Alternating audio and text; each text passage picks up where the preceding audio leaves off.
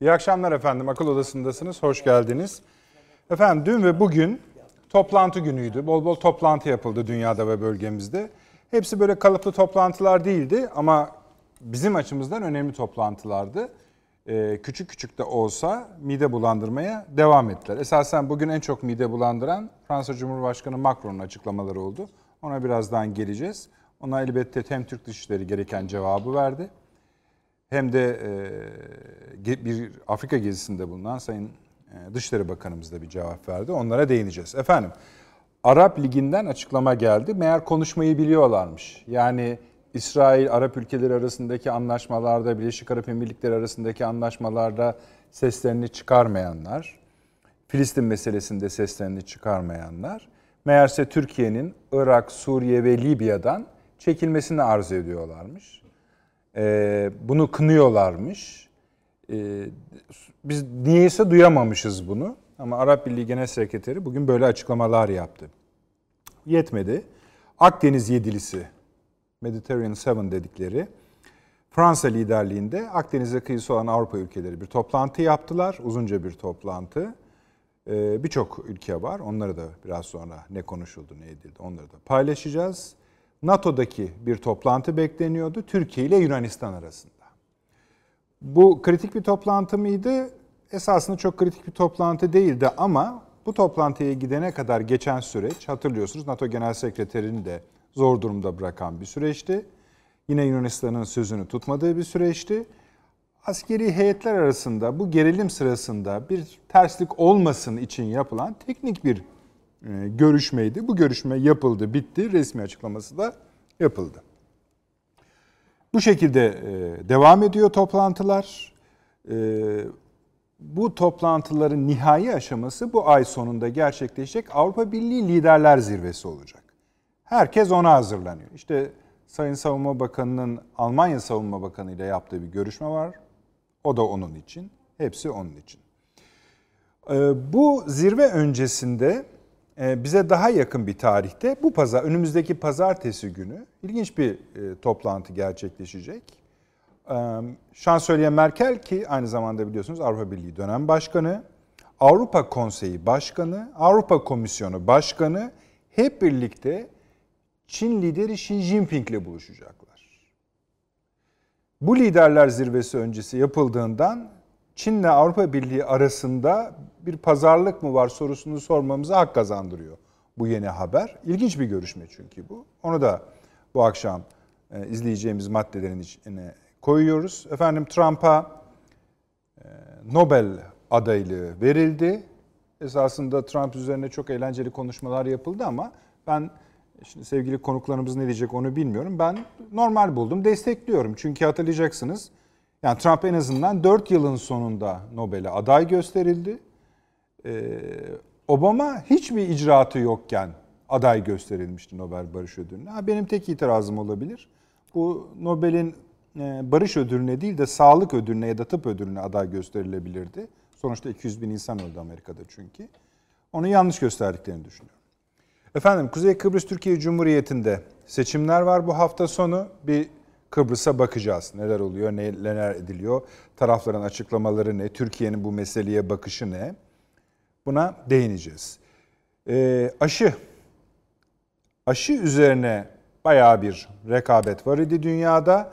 Rusya'nın yani haberleri gibi biraz önde olduğu gözüküyor. İngiltere'nin biraz tökezlediği anlaşılıyor. Çünkü yan etkileri ortaya çıktı. Amerika'da Trump'ın lafına bakarsanız seçimler sırasında yani Kasım ayında oy kullanmadan önce aşı yapılacaktı.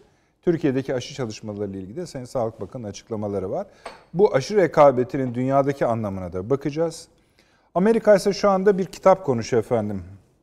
Çok ünlü bir yazarın Bob Woodward'un yani Watergate skandalını ortaya çıkan iki gazeteciden biri olan son derece kıdemli ve bağlantıları son derece güçlü bir gazetecidir. Trump hakkında Öfke isminde bir kitap yazdı. Bu çıkıyor. Bunun içinde Başkan Trump'ın bu salgın meselesinin daha önceden yani bu olaylar gelişmeden hayli önce ve üstelik de o zamanlar insandan insana havadan bulaşıp bulaşmadığı tartışılırken bütün veçeleriyle bildiği iddiası yer alıyor. Beyaz Saray bunu, daha doğrusu Trump bunu reddetmedi. Evet böyle. İnsanlar paniğe kapılmasın için böyle dedik dediler. Ama bu belli ki seçime yönelik bir e, tartışmayı beraberine getirmiş bulunuyor. Türkiye-İran görüşmesi gerçekleşmişti. Şimdi bu Türkiye-İran görüşmesinin e, bir PKK'ya yönelik ortak vaziyet alma, vaziyet alma da demeyelim, pratiğe kadar giden, hatta Sincar gibi bölgeler için dahi isim zikredilerek söyleniyor, bir ortak girişimde bulunma durumundan e, haber geliyor. Bunlara böyle parça parça parça bakacağız. Ee, tabii ilk önce Macron'u konuşacağız. Şöyle dedi Fransa Cumhurbaşkanı. Türkiye bugün artık bölgedeki bir müttefikimiz değildir. NATO müttefiki ama gemimize yaptığı kabul edilemez. Tabii bunu hala sürdürüyor adam. O da garip bir şey. Yani herkesin böyle olmadı dediği bir şey. Libya hükümetiyle kabul edilemeyecek bir anlaşma imzaladı. Kıbrıs'ın münhasır ekonomik bölgesinde petrol aradı. Türk halkı büyük bir halk ve bundan farklı bir şeyi hak ediyor. Ee, Akdeniz Paktı'ndan söz ettim. Bu pakla Türkiye ile de birlikte hareket etme kapasitesini bulmalıyız. Ama Türkiye'ye karşı daha açık ve kararlı bir tutum sergilemeyiz. Avrupa Birliği liderliği için söylüyor. Elbette Türk milletine, Türk halkına karşı değilim ama Erdoğan hükümetinin yani aslında cümlenin devamı Erdoğan'a karşıyız da geliyor. Tabii bunun Türkiye siyasetine, bunu böyle söylediğiniz zaman Türkiye siyasetine de bir mesajmış gibi algılandı, görüldü bugün sosyal medya tartışmalarında. Bu konuyla açılışı yapacağız. Sayın Avni Özgürer burada. Avni abi hoş geldiniz. Şeref verdiniz. Profesör Doktor Süleyman Seyfi Yön hocam eksik olmayınız. Ankara'da da Profesör Doktor Taşansı Türker hocam var. Duyuyor musunuz hocam? Ee, çok iyi duyuyorum Nedret Bey. İyi akşamlar efendim. Hoş geldiniz. Hemen konuşuruz hocam. Macron'dan başlayalım. Şöyle daha önce istersen 12 Eylül'ün 40. yıl. Yıl dönümü onunla konuşalım. Hay hay. Yani cumartesi günü bir gezi Sayın olacak. Cumhurbaşkanımızın da iştirakiyle bir sempozyum gerçekleşecek. İşin sempozyum tarafı ayrı. Onu bir tarafa koyalım. Ama Türkiye'nin son düzlükteki ilk e, çarptığı önemli bir darbe. Ee, ben de işte o, o dönemi hem yaşadım hem e, sinemalaştırdım şu bu filan. Ee, bugün insanların 12 Eylül'de ne oldu sorusunun e, hala cevabını tam olarak bilmedikleri kanaatindeyim. Anlatılmadı. Evet ne oldu dediğim vakit yapılan filmler, yazılan kitaplara falan bakıldığında bol bol işkence şeyleri anlatılıyor. Yani ben benim nasıl canım yandı diye. Efendim nasıl işkenceler yapıldı, nasıl idamlar, nasıl aşağı yukarı bir e, 25'e yakın yani ideolojik e, şeyli 25 kadar idam gerçekleşti. Neredeyse yarı yarıyadır yani solcusu, sağcısı yarı yarıyadır. Falan gerçekleşti. Ee, yani bu, bunlar anlatılır. İşte yaşı küçüktü, şuydu, Erdal Erenler Erdal. falan. Onlar var mesela. Yani bunlar yanlıştı anlamında söylemiyorum ama 12 Eylül'ün tahlili yok ortada. Neyi kastediyorsun? Şu, bu darbe tam bir Amerikan darbesidir. Tamam. Ve ben bunu söylediğim zaman yuhalandım. Açık yani. Konferanslar. Yani çünkü dört tane general yaptı bu işi. Faşist generallerin işi bu. Diye bakılıyordu. Ben halbuki bu o generallerle konuşmuştum. Bunlar faşist değildi. Yaptıkları darbe hayır hak bir şeydi. Ama yaptıklarından bile haberleri olmayan dört tane generalden söz ediyoruz. Darbeyi yöneten tek bir general var. O da Haydar Saltık. Tamam. Yani tabii irtibatları kuran Tahsin Şahinkaya. Ama yöneten, yani organizasyonu yöneten e, Haydar Sadık Paşa. Biraz onu isterseniz evet. açın. Yani bağlantıları bilen Tahsin Şahinkaya dediğiniz zaman Şimdi Amerika'yı genelde bilen... Türkiye'de darbeleri hava kuvvetleri komutanları irtibatı sağlar Amerika ile. Tamam. Amerika ile, NATO ile irtibatı onlar sağlar. İşte o hani bizim çocuklar yaptı diye e, efendim Tamam. haber veren filan filan dedi. O o temaslar oradan geliyor filan. Ama diğer şeyleri işin ideolojik tarafını götüren hatta şöyle yap- yapıyoruz filan diye basın toplantıları da yapan Hay- Haydar Saltık. Basın toplantılarından sonra haber aldıkları vakit ben Kenan Evren'in, e, Nurettin Ersin'in ki bunların ikisi de kendileri söylediler bana. Ya yani çok öfkelendim. Hiç bizim adımıza böyle konuşma hakkı yoktu onun filan. E peki yoktu da siz ne yaptınız ona karşı paşa? Hiç. Ve bütün generallerin de hatırlarsanız herkes biliyor. Yani işte Kenan Evren dahil herkes işte Marmaris'te filan koltuğunun altına portföyünü koyup geziyordu filan. Tamam. Askeri garnizonda özel koruma ile yaşayan Haydar Saltık. Darbenin en önemli şeyi odur. Peki buradan şunu mu anladık? Haydar Salt'ın Ve Amerika o- o bağlantısı ba- hayır ha, şöyle. Yani ben 12 Eylül'ün bir analizinin yapılmadığını söylüyorum. işte yapıyorsunuz şu anda. Şöyle aslında. hayır yapma. Şöyle. Olay şu. 12 Eylül'den önce durum şu idi. NATO açısından ve Amerika açısından. Yunanistan NATO'dan, NATO'nun askeri kanadından çıkmıştı. Dolayısıyla NATO Avrupa'ya kadar gelmiş, Atlantik. Baktı. Yunanistan'da kopmuştu halka. Arkasından Türkiye, yanında Türkiye ambargo dolayısıyla yerle bir vaziyetteydi. Ordu hareket edemiyordu. ya. Mefluç haldeydi. Yetmedi. Amerika'nın en büyük müttefiki İran'da Hümeyni iktidara gelmişti ve Hümeyni İran düşmüştü Amerika açısından. O da yetmedi. Yanı başında Afganistan'ı Rusya işgal, işgal etmişti. Yani Amerika'nın hakimiyet projesi çökmüştü. Ve Türkiye üzerinde yoğun bir baskı vardı. Yunanistan tekrardan NATO'ya dönsün. Gerek Bülent Ecevit, gerek e, Süleyman Demirel buna karşı çıktılar. Ege'de anlaşmayı imzalasın, Kıbrıs'ta tanısın durumu, ortaya çık koysun. Biz ondan sonra imzalayalım, dönsün NATO'ya dediler. Ve karşı çıktılar bundan dolayı bu ambargoya tahammül ettiler. Ama Kenan Paşa bir telefon emriyle Türkiye'nin vetosunu, NATO'daki vetosunu telefon emriyle kaldırdı. İhtilalden 17 gün sonra kaldırdı ve, Yunan, ve Yunanistan tekrardan NATO'ya döndü. Rogers. Rogers planı dedikleri bu Rogers ne oldu? Bu söz verdiydi paşam. Bunları yapacağım diye söz verdi. Adam emekli oldu dedi. Yani o sözler mözler hepsi yendi geçti gitti.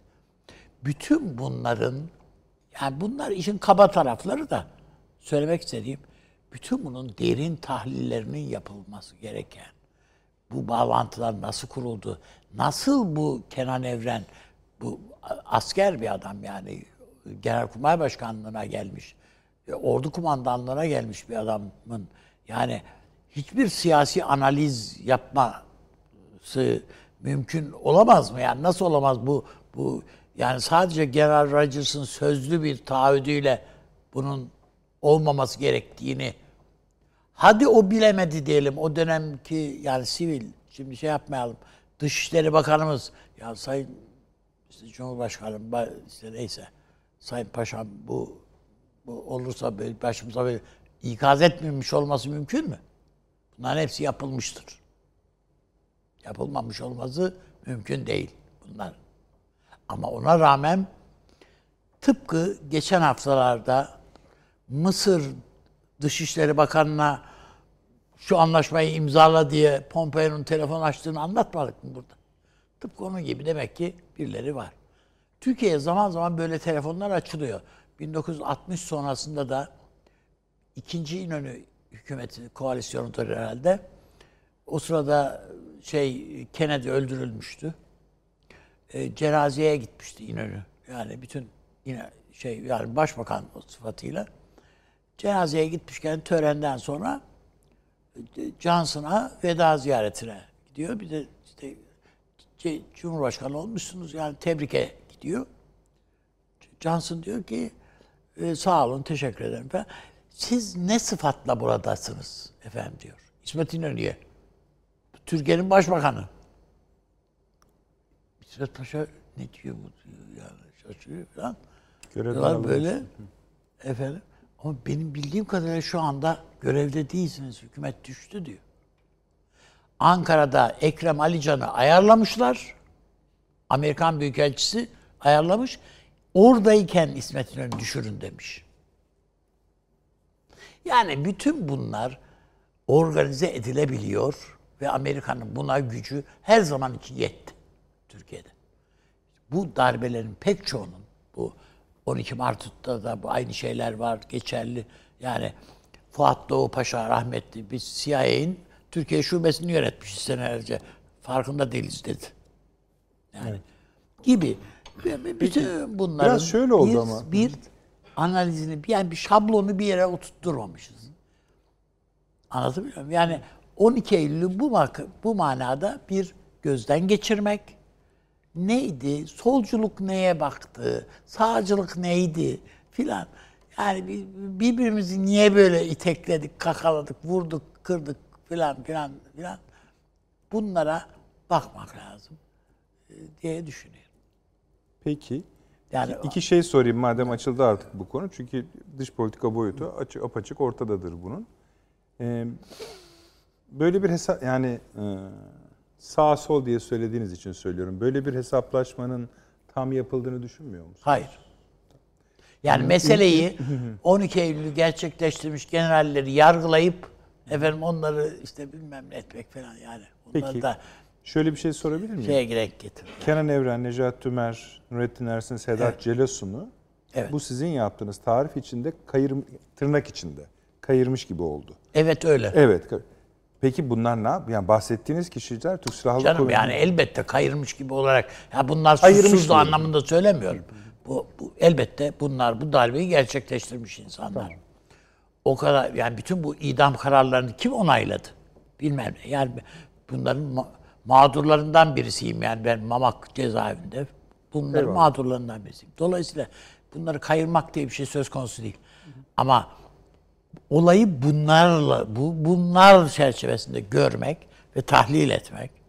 Yani işte insanlar sokakta birbirini vuruyordu. İşte bir takım gazetecilerin böyle yorumları var. Sokağa çıkamıyorduk. Ah asker, asker gelse de müdahale etse Tabii. dediğine oh dedik. Evet. Hatta 12 Eylül gerçekleştiğinde diyen yani Türkiye'nin gazete yöneticileri var. Dolayısıyla yani bundan ibaret görmek hadiseyi veya o çerçevede Yan- bu görmek. yanlış. Esas kayrılan burada Amerika o yorumda. Ha, güzel. Ben de- Esas kayrılan odur. Peki e, siz hani dediniz ya sesle çıkarmadılar. Ya böyle dememiş dese demeseydi iyiydi demişler ama ses çıkaramadılar. Ses çıkaramamalarının sebebi aslında o konuşmaların o generallerin arkasında Amerika'yı görmüş olmaları. E tabii canım. Tabii. Yani esasında bu bahsettiğiniz komutanlar da mesela yani sizin yani yorumunuza göre biraz iteklenmiş oluyorlar. İteklenmiş değil. Bunlar şöyle bakın. Türk Silahlı Kuvvetleri'nde her zaman için yani benim inceleyebildiğim, okuyabildiğim kaynaklar, ulaşabildiğim, görüşebildiğim insanlardan, e, komutanlardan falan hepsinde öğrendik. Her dönemde bir junta olmuştur Türk Silahlı Kuvvetleri'nde. Bunlar her zaman bir darbeyi gerçekleştirememiş olabilirler. Ama her dönemde olmuştur. Dün olmuştur, bugün de vardır. Mutlaka vardır. Heves manasında bile olsa, o manada bile kalsa vardır. İşte o Talat Aydemirler falan hepsi böyle. Bu, bu işlerde var. Dolayısıyla yani e, bunların tamamına da bir şekilde yabancı güçler müdahale müdahil olmuşlardır. Ve özellikle de Amerika mutlaka bunlarla bir irtibat kurmuştur. Bir, bir şey çıkar, bir şey çıkmaz hiç önemli değil. Ama sonuç itibariyle kurmuştur. Yani 12 e- el- 20 mesela 27 Mayıs'tan sonra 2000 küsur asker emekli edildi. Cemal, Gürsel diyor ki bizim hazinede para yok yani. Bunlara emekli maaşını, emekli ikramiyeliklerini veremeyiz biz diyor. İncirlik'ten Amerikalılar para getirttirdiler. Hiç dert etmeyin dediler. Siz bunları giderin gö- gönderin gitsin bunlar. 60 60 darbesinde. Aynı. E, o 12 12 Mart'ta baktığınız vakit yani bir faciadır 12 Mart o malada. Baksanıza yani Memduh Tağmaç yani o dönemin Genelkurmay Başkanı Memduh Tağmaç kendi oğlunu bile tutuklattı yani. Şimdi bu mesela 60'taki Subay yani. maaş ödeme işini mesela siz birkaç defa anlattınız. Bu da ilginç bir şey. Benim e, baktığım e, çalışmalarda bunun birebir kopyasının 1949-50'de de olduğunu gösteriyor. Olabilir yani. Aynı şekilde bir seri generalin Amerikan paralarıyla emekli edildiği Şöyle bakın. ve hatta Kurtuluş Savaşı'nı görmüş komutan istemiyor Amerika. evet, Kurtuluş Savaşı'nı yaşamış komutan demek milliyetçi, vatanperver komutan demek. Amerika'nın lafını dinlemeyecek komutan demek. Yani belki o dinle Amerika'nın önerisi kötüdür anlamında söylemiyorum. Kendi kafasının dikine giden adam demek. Bunu istemiyor adamlar. Hani e, sahabe var, tabi'in var. Yani bir Kurtuluş Savaşı'nı görmüş, yaşamış olanlar var. Savaşın içinde görev almış olanlar. Yani 27 Mayıs'ta işte Rüştü Evderlihun Paşa e, İstiklal Madalyası sahibi İstiklal Savaşı'na katılmış bir subaydı. Şimdi bunları istemiyorlar. Bu, bu kesin. Onları tasfiye ettiler zaten. Ama onların hikayelerini dinlemiş adamı da istemiyorlar. mirası da istemiyor. Çünkü adam Çanakkale'yi yaşamamış ama dinlemiş. Onu o heyecanla, o heyecanı birebir tanık olmasa bile, içinde yaşamasa bile an, anlamış, ruh, yaşamış gibi. Ya, Onu da istemiyorlar. Bunun bunun diyelim ki bu hele subay olarak tabii istemiyorlar bunu. Bu bu bu çok mu önemli? Evet ben bana göre çok önemli. Peki. Ee, Burada mesela hepimiz şeyiz değil mi? Fahri, Fahri Paşa geliyor. Fahri Paşa bütün bu cephelerde buluş, bulunmuş. Yani Kurtuluş Savaşı manasında değil de yani Türkiye'nin şu anda mücadele ettiği cephelerin neredeyse ne varsa tamamında bulunmuş. Şimdi bu subayla kıtada görev yapmamış subay bir olur mu yani? Tamam, Yani cephede askeri, askeri cephede tanımamış. Subay bir olur mu? Yani bu, bu, bu iş böyle. Hatta son olarak biliyorsunuz en son Maraş konusunu konuşuyorduk aylar önce. Orada da var. Orada, e, bize de söylemedi. En son iki yılda ben orada komutanlık Evet. yaptım diyor. Tek tek saya saya gidiyordu. gibi. Peki. İşte onun için önemli. Ben 12 Eylül'ün bu manada bütün gençlerimiz tarafından yeniden ö, okunması, bu manada acaba ne yani nedir, ne değildir re burada bu cepheden bakılması gerektiği kanaatindeyim. Tabiatıyla kesinlikle o darbeci generallerin e, kayrılması anlamında Yo, yo, şey hayır. katmadan söylüyorum. Yok. Yani siz e, nasıl söyleyelim yani eziyetini çekmiş bir insansınız. Evet yani. öyle zaten. Süleyman Hocam. Var mı bir eksik 12 Eylül'ü bizim anlamamız, anlamamızda? Bir tane değil ki diyecek şimdi. Hangisini konuşalım? Siz büyükleri söyleyin. konuşalım. Yani bir kere bu hani kolları sıvayıp çok katmanlı bir sürü analiz yapmayı Gerek. filan gerektiriyor. yani çok iktisatlı davranamam. Çok bırakırsanız beni kendi halime. Şimdilik bırakayım. Ee, yani şöyle söyleyeyim. Bir kere bu işin e, muhasebesinin öyle söyleyeyim ben yapılamadığı yolundaki fikrine, değerlendirmesine üstadın tamamen katılıyorum. Çünkü bir şaşkınlık yaşandı. Yani tabii genç nesiller o günleri hatırlamıyorlar, yaşamadılar. Belki artık kaynaklara da çok ilgi Yani göstermiyorlar. düşünün, 70'te doğan birisi bu konuda hiçbir fikir sahibi olmayabilir. Olmayabilir. 70'te, Çok 80'de dediğiniz dedi. doğru. Doğru. Tabii Dediğiniz canım, 10 doğru. yaşındayken Tabii. Tabii. Yani bugüne kadar da evet böyle bir tarih varmış deyip Ee, böyle yaşamış evet, olabilir. evet. Yani 50 yaşına kadar. Şimdi şaşkınlık şuydu. Hani bu çok net anlatılır e, yaşayanlar tarafından. O günlerin e, tanıkları tarafından. Ya bir gün önce birbirlerini boğazlayan insanlar birden her şeylerini bıraktılar, teslim Askerler oldular veya teslim alındılar. Yani bir gün önce ülkeyi kan götürüyordu, bir gün sonra her şey güllük gülistanlık oluverdi. Şimdi tabii Yani çatışan tarafların birden eşanlı olarak teslim alındığı bir tablo bu. Teslim alınanlar tabii ki çok ağır süreçlerden geçtiler. Yani işkenceler, şunlar, bunlar vesaire. O ara bir şey oldu çok ilginç. Karıştır, barıştır denilen Evet, bir öyle. siyaset e, takip edilmeye başlandı. Yani solcularla sağcıları aynı koğuşlara koydular. Düne kadar birbirlerini öldüren insanlar bunlar filan. Biraz orada aklını ayakta tutabilen insanlar, genellikle lider kadroları içerisinde belki birileri ya biz galiba aynı oyunun e, parçalarıydık. E, ya şunu bir beraber düşünelim falan demeye başladılar. Cılız bir ses çıktı birkaç mahreçten. Ama bunun arkası gelmedi tabii ki. Sonra ne oldu? Zaman aktı geçti. İşte orta yaş kuşağı oldu o günün gençleri. Sonra yaşlandılar vesaire. Şimdi çok ilginç bir şey görüyorum. Genel yaklaşım şu. Eğer bu hikayeyi siz bir solcudan dinliyorsanız şöyle anlatacak size. Ya evet biz bir hata yaptık. Lakin iyi niyetliydik. Peki aynı hikayeyi bir sağcıdan dinleyin. O da şunu söyleyecek. Evet biz bir oyunun kurbanı edildik. Ama feda olsun kanımız. Vatan ve millet içinde ve devlet içinde.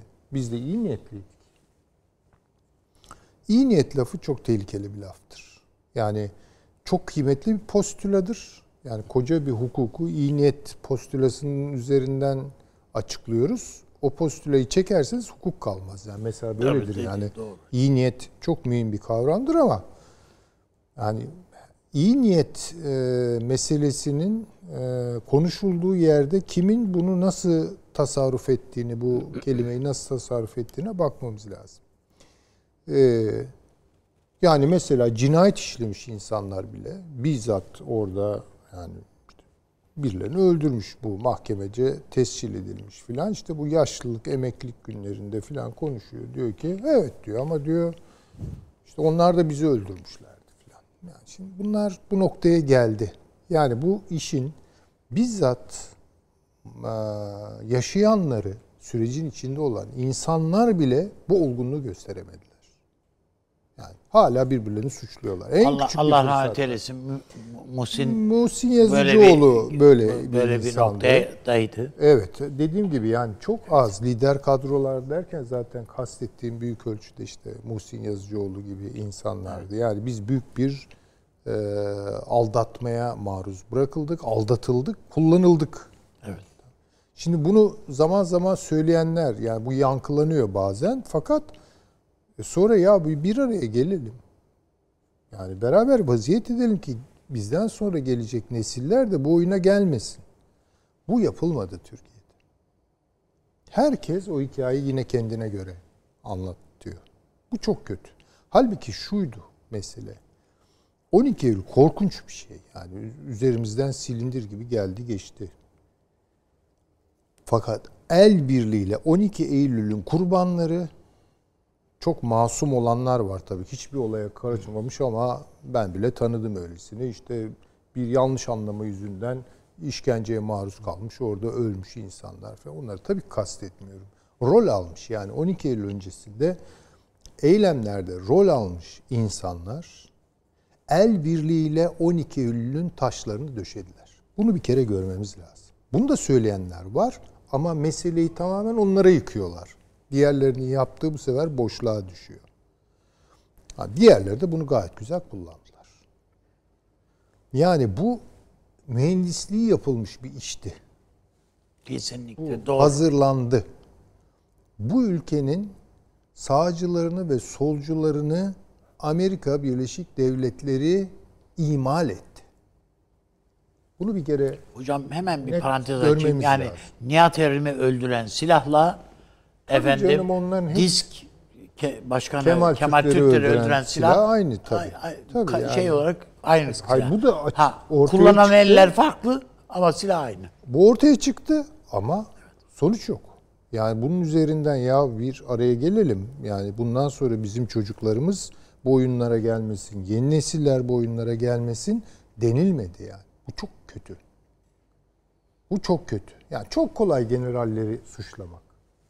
Yani bunlar açık söyleyeyim o 12 Eylül'ün e, generalleri bu ülkeye ihanet etmiş insanlardır. Ama gelin görün bunu hala savunanlar da var.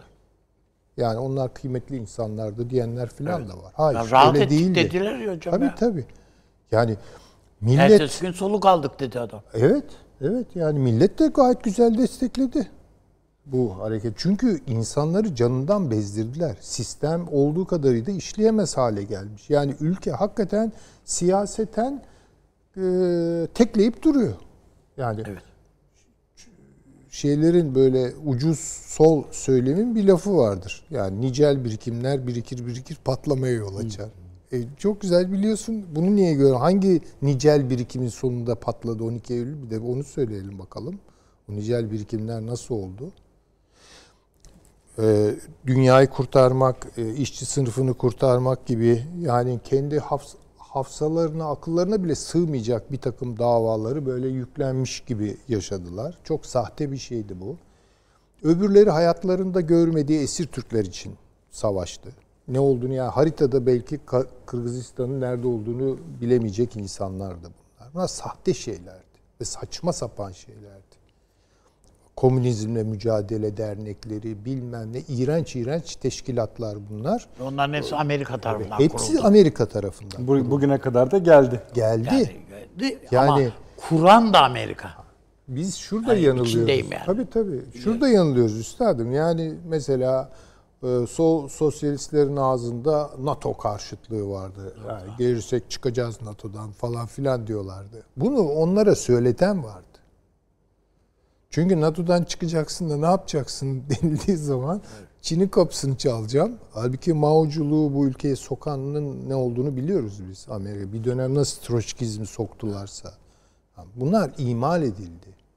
Ve bu şeylerde bir takım ecnebi okullarda hocalar tarafından öğretildi.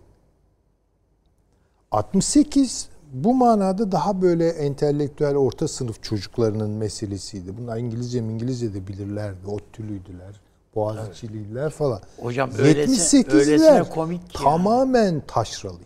Abi. İyice bir de kalite düşmüştü yani. İyi kötü ötekinin biraz bir entelektüel şeyi vardı. Yani 70 ben 78 kuşağı diye tabir edilen bir kuşağa mensubum. Yani o devri üniversite öğrencisi olarak yaşadım. Ee, o devirdeki e, ortalama tipler, sol eylemciler veya sağ eylemcilerin 68'dekilerle hiç alakası yok. Evet. De bu çok zavallı e, insanlar ve çok kullanılmaya müsait insanlardı. Yani bu tek taraflı son tahlilde meşrebini temize çıkarmaya e, adanmış bakışlarla ne 12 Eylül anlaşılır ne bunun bir hesabı yapılır. Ne Amerikan bağlantısı tam Ha, ortaya çıkıyor. yani biz bakın artık Amerika'nın Türkiye'yi gözden çıkarttığı ayan beyan ortaya çıkmadan ki onu da hemen göremedik. e, bu durumu bile kabul etmedik. Bu durumu bile kabul etmedik. Bu ülkenin liberalleri de Amerikancıdır. E, kusura bakmasın. Yani istisnaları muhakkak vardır. Ben onu yani bir Mehmet Ali Aybar için ben bunu söyleyemem tabii ki yani. Gerçekten e, bu ülkeyi Tabii, seven, vatansever. vatansever bir sosyalistti. Keşke bütün hep bütün sosyalistler öyle olsa. Sağcılarımız da öyledir. E, milliyetçilerimiz de öyledir. Yani bir Erol Güngör'ü. E, tabii. yok efendim onların hiçbirini okumazlar, Tabii, etmezler bilmem ne. Yani keşke hepsi birer Nurettin Topçu gibi bakabilseler meselelere yani. Öyle bakılmıyor maalesef yani. Peki. Bir de şunu da söyleyip bitireyim. E, Çünkü madem açtınız biraz Yok, yok, ben- ama ko- konuştunuz ya. çok çok da uzatmayacağım ama Tamam. bitireyim. E, bir de şunu e, öngörmemiz lazım. E, bütün bir siyasi tarihimizi gözden geçirirken kimin nerede NATO mahreçlerine, Amerikan mahreçlerine ne kadar yakın olduğuna bir bakalım. Çok uzak olanlardan da şüphelenelim gene. Yani onlar da başka türlü bir yere konuşlandırılmış olabilir ama O kadar uzak ol- olamaz dediklerimiz. Ha, evet yani onlara da bakmakta fayda var. Ben diyorum zaten Türk siyasi fikir tarihini böyle ansiklopedik şeyler yapılıyor. Evet. Kıymetli onlar.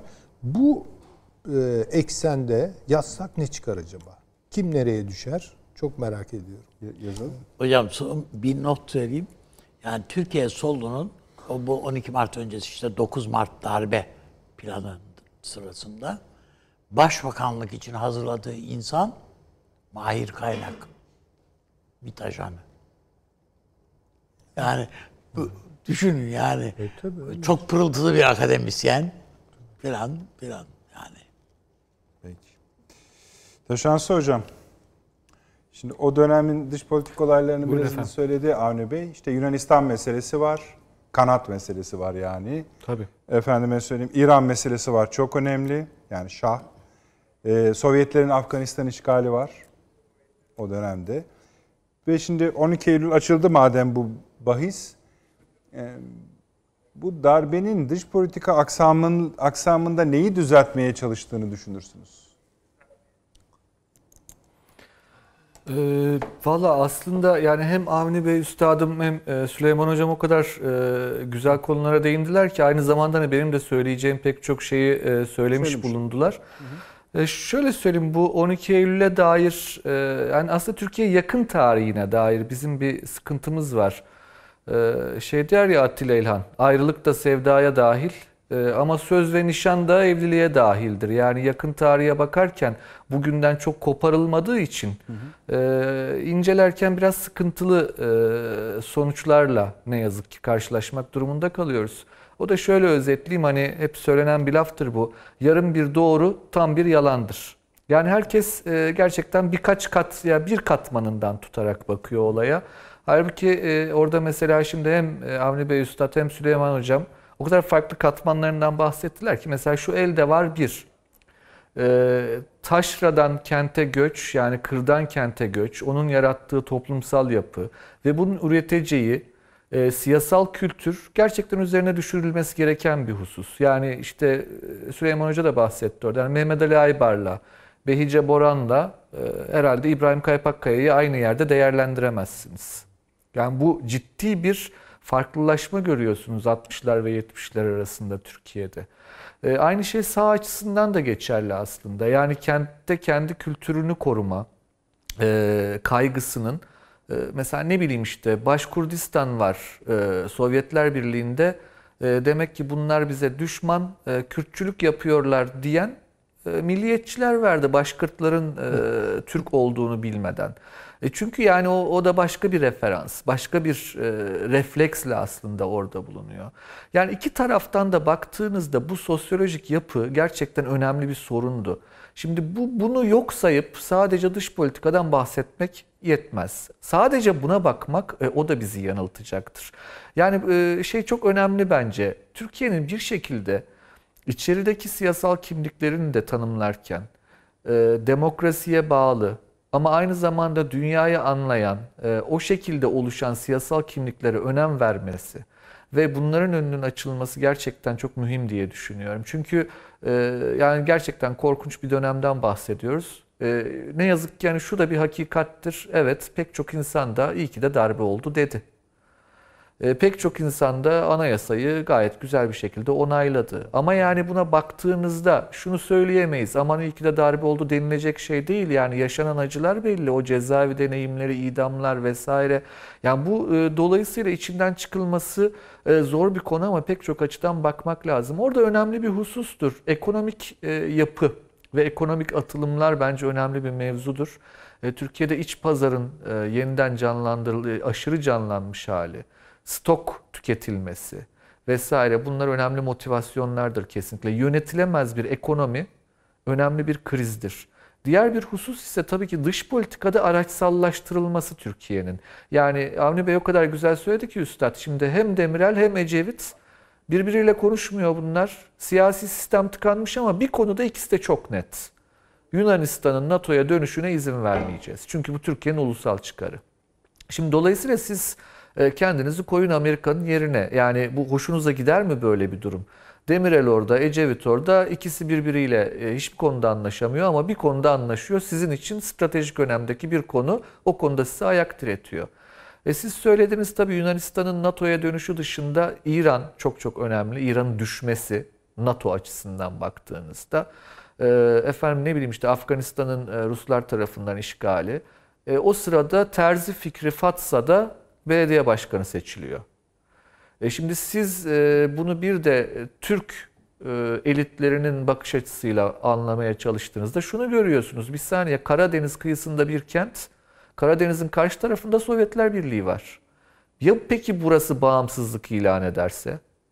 Yani siz bunu, sizin bu aklınıza gelmese bile birkaç tane Amerikalı subay meslektaşı olan Türk subaylara bu korkuyu tabii ki hissettireceklerdir. Başka bir şey Konya'daki miting, ee, Başka bir şey Çorum olayları hemen öncesinde darbenin. Bunlar biriken olaylar silsilesi aslında. Yani bir de işin garibi hani e, hem Avni Bey Üstadım hem Süleyman Hocam katılacaklardır herhalde bana. Bir de bu darbe göstere göstere geldi. Yani bu darbenin geleceği 12 Eylül'den 6 ay önceden itibaren konuşuluyordu zaten Türkiye'de. Yani şey şaşırtıcı bir durum da değil. Burada demek ki bir kapasite sorunu da vardı Türk siyasetinde. Yani orada da hani ee, her ikisinin de hizmetleri Türkiye'ye çok büyüktür. Hem rahmetli Demirel'in hem Ecevit'in ama e, orada bir sıkışmışlık olduğunu da tespit etmek gerekir. Yani o da demek ki demokrasinin olgunluğuyla ilgili bir sıkıntı. Bütün bunları e, söyleyelim ama e, önemli olan şu e, zannediyorum. E, Türkiye'de ciddi bir kırılma yarattı 12 Eylül. Bir kırgınlık yarattı pek çok kesimde. Çok haklıdır da bu kırgınlık. Yani acı çeken insanlar, akrabalar acı çeken insanlar vesaire. Ama bunun yanında bu kırgınlıktan mütevellit sistem aslında dejenere oldu 12 Eylül'den sonra. Zannetmeyin ki hani 12 Eylül oldu ve her şey tıkır tıkır işlemeye başladı. Hayır.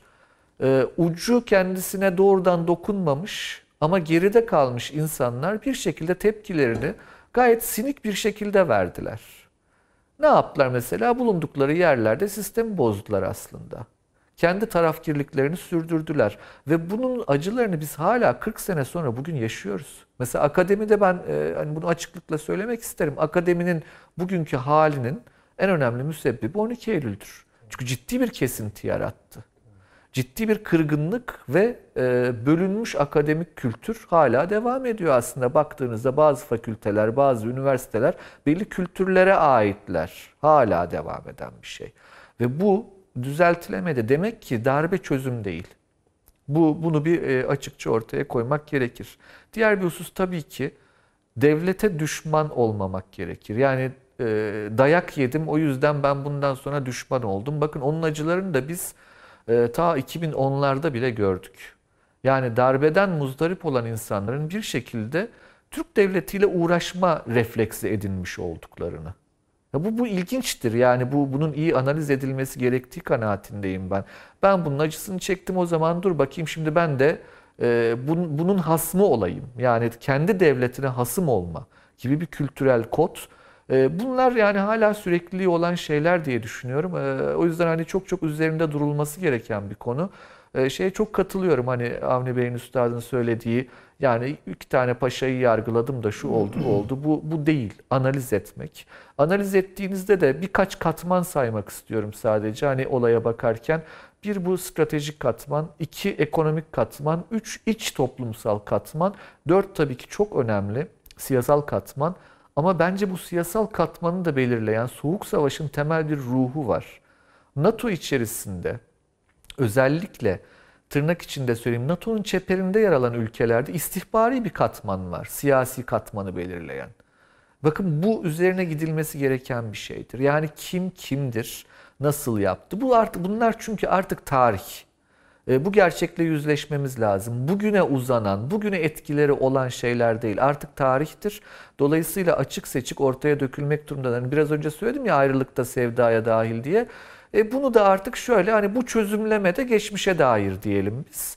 E, ama bunların yapılması gerekiyor. E, zannediyorum en üstte saydığım katman yani uluslararası stratejik katman ile en altta saydığım iç siyaseti belirleyen istihbari katmanın bir şekilde ilişkilendirilmesi aslında o aradaki katmanları da daha iyi anlamamızı sağlayacaktır. E, Bu beş katman içerisinde yukarı aşağı gezen bir zihinsel egzersiz e, ve ciddi çalışmalarla e, zannediyorum ki e, süreç daha anlaşılır ve Türkiye açısından da ders çıkarılacak. Belki bugünler açısından artık e, şöyle söyleyeyim hani yarına dair bir ders çıkaracak durum yok ama e, tarih illaki yarına dair ders çıkarmak için bir araç değil. Bazen sadece kendisi için yapılan bir şeydir. E, o anlamda e, bu tarz çözümlemelere ihtiyaç olduğu kanaatindeyim ben de. Çok teşekkür ederim. Süleyman Hocam bir şey Yok, söyleyecek size. çok küçük bir şey çünkü önemli bir şeye değindi. Yani ben tabii en çok e, baştan beri onu söylüyorum. Oraya hep takılı kalacağım ben. 15 Temmuz'dan beri de hala oraya takılıyım. Ee, tabii. Bu işte siyaseti belirleyen NATO katmanı mı, istihbari katman mı? Bu analizde de bunu tam söyleyemiyoruz yine. İşte yani 12 Eylül özelinde dedim. Tabii, Neyse ben tabii, sizin sözünüzü kesmiyorum Yok, ama estağfurullah. yani isimlere kadar insek bile Avni abi o rabıta tam çözülmüyor işte. Ee, Buyurunuz. biraz daha çalışılması lazım. Ee, iki şey önemli Taşansı Hoca'nın aktardıklarında. Bir tanesi şu. Şimdi bakınız bu devlet düşmanlığı husumeti meselesi. Çok önemli. bu bu çok hakikaten kritik bir şeydir. Yani biz Türkler hakikaten çok aşırılıkçı bir e, kültüre sahibiz. Yani zihnimizde hemen bir şeyi en uca e, götürüp Savuruyoruz. Evet ve oradaki en keskin ve en e, doğrudan eylem planları üzerinden e, çözmek. Tabii kendimiz için sonuçları olacaksa bile. Hiç hiç onlar düşünülmüyor bile yani. yani Herkes bizim celali. ha ra- evet celaliyiz yani gerçekten celaliyiz. Ee, illa bir takım uçlara taşımak. Şimdi mesela devlet fetişizmine e, dair e, söylenen şeylerin e, devletin yıkılmasını e, öngören anarşizmde tınladığını görmemiz lazım. Tersi de söz konusudur. Çünkü bu diyalektiktir gerçekten. Şimdi bö- böyle bir devlet tapınması vesaire bu adamların yarın karşımıza birer anarşist olarak gelebileceğini e, çok da şaşırarak e, ihtimal olarak e, düşünmememiz lazım. Şimdi şöyle bir şey var. E, 12 Eylül öncesinde gerek sağ gerek sol devlet tanımı üzerinde kavga ediyorlardı. Yani devlet sosyalist mi olacak? Yoksa işte milliyetçi, muhafazakar, mukaddesatçı mı olacak? Bunun kavgası. Şimdi devlet bunları dövünce, iki tarafı birden dövünce tam karşıya savruldular. Karşısı da şuydu. O günlerde duvar yıkılmıştı filan işte 90'lı yıllara gidiyoruz. Bir liberal rüzgar esiyor. Ha demek ki suçlu devlet. Ve bütün o tahliller yani daha evvel yapılmış Asya'daki Taliban çöpe atıldı. tarzları bilmem neler böyle tartış hepsi çöpe atıldı. Bireyin liderliği. Kötü baba. Yani birden bir baba oğul kavgasına dönüştü iş. Bunu sol yaptı. Bunu sağ da yaptı. Sağda da yapanlar çıktı. Yani bu liberalleşme rüzgarları var ya solun liberalleşmesi ve sağın liberalleşmesi zaten birbirleriyle de son derece iyi anlaşmaya başladılar. Yeni İslamcı akımlar dikkat buyurun İslam devleti meselesini dışarıda bırakıp işte sivil İslam bilmem ne falan gibi böyle yani kotarılmış, hazırlanmış bir takım kodlara bir şeyleri taşıyarak onlar da geldi. Böyle bir liberal zemin. Bu da bir toplumsal tarihsel uzlaşma gibi sunuldu. Alakası yok. Bu bir başka rüzgara kapılmaktı bu. Yani dolayısıyla hakikaten düşünmemiz lazım liberal e, paradigma evvelindeki siyasi akımların şekillenişiyle sonrası arasında. E, enteresandır. E, birden sağ ekonomizm peşinde koştu. Özal dönemi. Daha evvel ekonomiyle hiç ilgilenmezlerdi. Kültürden filan bahsederlerdi. Sol ise ekonomik meseleleri terk etti. Her şeyi bir kültüralizmin konusu haline getirdi. Bu ne biçim şeydir Allah aşkına? Ama savrulmalar yani. Çünkü bütün bu yaşananlara ortak olarak vaziyet edebilecek. Ya bir, bir şu serencamı bir çözelim, şu başımıza gelenleri bir çözelim Evet. e, diyen bir şey yok. Bugün bir arkadaşım bana bir şey gönderdi. Ee, Çetin Altan'ın güzel bir lafı. Belki Taşansı Hoca da bu mealde şeyler söyler. İşte tarih tekerrür eder mi? Yok diyor. Tarih tekerrür falan etmez. Ama insanın aptallıkları tekerrür eder. Yani doğru bir şey yani. Hakikaten böyle bir tablo. Evet. Yani belki çok uzadı tabii bu 12 Mart, o 12 Eylül meselesi Mesul ama sizsiniz üstadım. Siz Yo, evet sorumlusu benim. Yani ama daha esasında çok su kal Tabii, tabii, tabii. kaldırır bu hamur. Bence de. Yalnız bu konuya e, geçmek itibariyle şu İran meselesi çok önemli. Evet. Ee, ben Bugün bir de şey atayım. bugün Bugün, de de önemli. bugün de önemli. Onun için hani belki geçişi siz nasıl tensip buyurursunuz onu bilemem ama e, bu Hümeyni Paris'ten uçağa kalktı ve İran'a gönderildi. Bakın bu kaç 40 sene evvelki hikaye. Doğru. Bugün Fransa nerede bir bakalım. Fransa-İran ilişkilerine bir bakalım isterseniz. Evet. Ama Hümeyni'den önceki İran iktidarı da Şah iktidarı da başka bir uzantı sayılmaz esasında. Yani Hayır, orada şöyle bir şey şey var yani. ama. Orada bir O, şey o, var. o bir Amerikancı iktidar. Tamam. O başka bir şey. Evet. Bu Fra- Fransa'nın bugün yaptığı tekim e, Fransa bunun neredeyse bu Biden ilişkisi filan bütün bunlarla yan yana yani aynı hatta oturuyorlar bunlar. Yani İran'la bu işi perçinleyeceğiz diyor zaten Tamam. Fransa. Onu konuşacağız. Bizim yani bizim de, de biliyorsunuz yüksek istişare toplantısından sonra İran tarafından yapılan açıklamalar var. PKK dahil şu falan. Benim kastım Batı Batı geneliyle ilgili. Mesele yani PKK meselesi değil İran Tamam. Konuşacağız abi. konusu. Ee, mesela şa- göreve geldikten sonra Amerikan elçisiyle ilk görüşmesinde tahtımı bir tanrıya sonra size borçluyum diyor. Amerikan. Tabii bu musaddıktan sonra onu mu diyorsunuz? Musaddığı devirdikten Tabii tabii sonra. tabii. tabii, Anladım, tamam. tabii. Evet. Şunu tekrar okuyayım o zaman. Yani gündemimize dönelim. Ee, diyor ki Macron, Türkiye bugün artık bölgede bir müttefikimiz değil, NATO müttefiki ama gemimize yaptığı kabul edilemez. Libya hükümetiyle kabul edilemeyecek bir anlaşma imzaladı. Kıbrıs'ın münhasır ekonomik bölgesinde petrol aradı. Türk halkı büyük bir halk ve bundan farklı bir şeyi hak ediyor. Akdeniz Paktı'ndan söz ettim. Bu pakta Türkiye ile de birlikte hareket etme kapasitesini bulmalıyız. Ama Türkiye'ye karşı daha açık ve kararlı bir tutum sergilemeliyiz. Avrupa Birliği'ni kastediyor. Elbette Türk milletine, Türk halkına değil ama Er- Erdoğan hükümetinin karşı yani bizim derdimiz Türk halkıyla değil ama e, Erdoğan'dan mealen işte memnun değiliz size getiriyor. Bu Erdoğan'dan memnun olmama işi sadece Fransa'ya ait bir iş de değil, orijinalde bir iş değil. Ama herhalde konu yani bu son cümleden konuyu tam anlamadı. Anlaşılıyor Ama Macron. bayrak açan e, Macron. Macron tabii. tamam. Yani bunu bunu görmek lazım. Yani Buyurun. bir, bugün Amerika'da Türkiye aleyhine Trump da laflar ediyor falan. Ertesi gün bakıyorsun özür diliyor veya da lafı değiştiriyor başka bir kalıfa. Macron başından itibaren Kategorik. bir Türk aleyhtarı. Avrupa kendi geçen bir e, programımızda da konuştuk. Fransa'nın üzerinde çok ciddi bir İslam baskısı var. Ve bunun sorumlusu olarak Türkiye'yi görüyor adam. Ve hatta burada adres olarak Türkiye'yi görüyor adam. Onun için e, yani e, şeyde e, Almanya açısından baktığımızda Stern'in bir kapağını hatırlıyorum. E, eyvah çocuğum Türkçe konuşuyor. Evet. Şimdi bir takım şeyler, kelimeler, Türkçe kelimeler hem Alman ağzına, Almancaya da çok yatkın. Ağızlarına da uyuyor filan. Filan. Çocukların argo kullanışları çüş diyor mesela filan. tamam.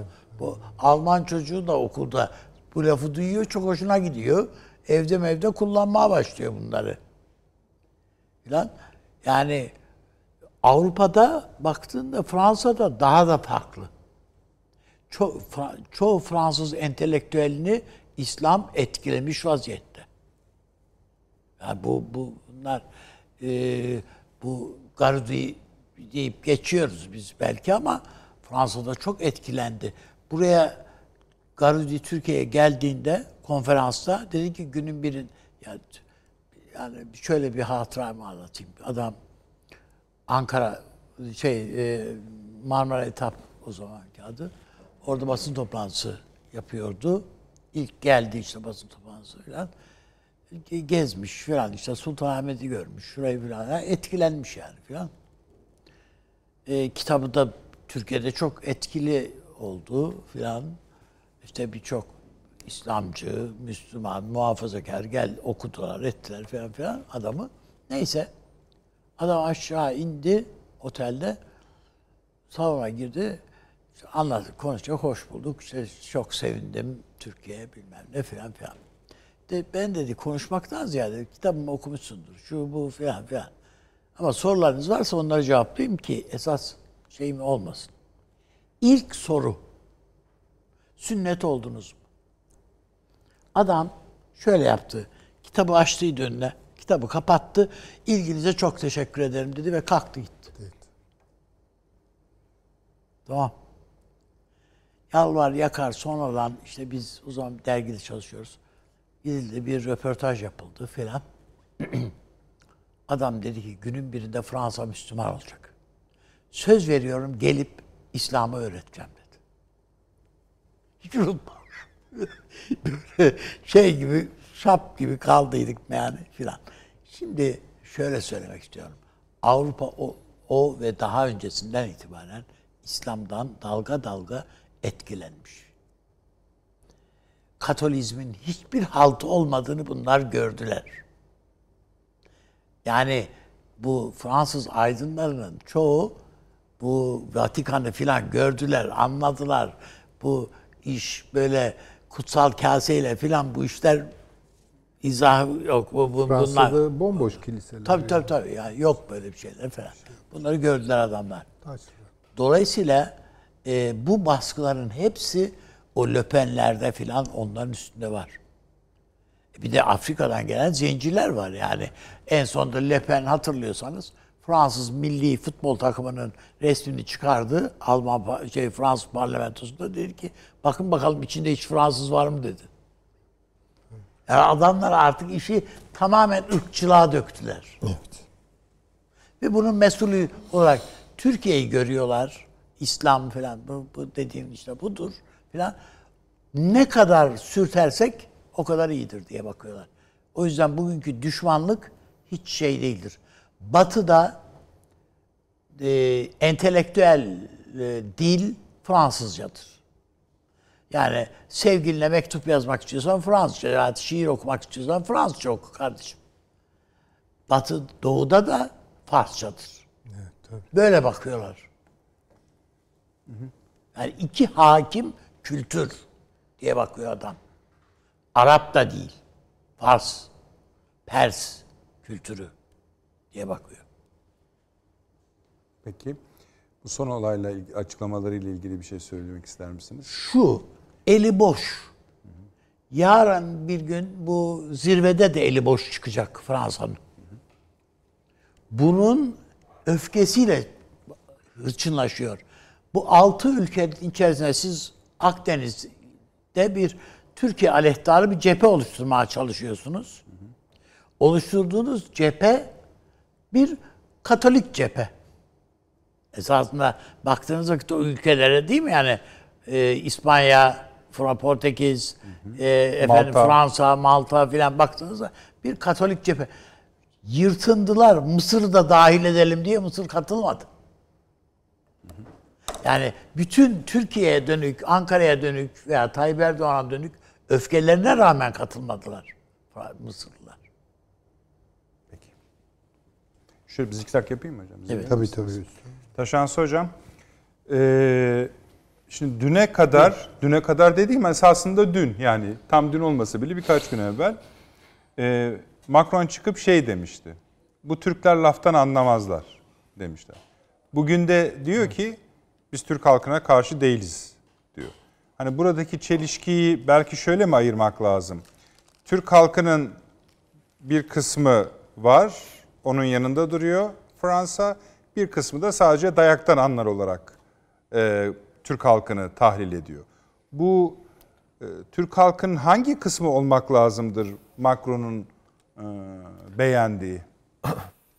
Tabii aslında burada istediğim sizden bir şeye girmeniz yani Fransa'nın e, bu son açıklamalarıyla birlikte biraz sonra fotoğrafını da verecek arkadaşlarımız. Verin arkadaşlar onu e, Taşan Soylu'da konuşurken. Şu an efendim bu gördüğünüz fotoğraf bundan bir saat kadar öncesine ait, bir buçuk saat kadar öncesine ait.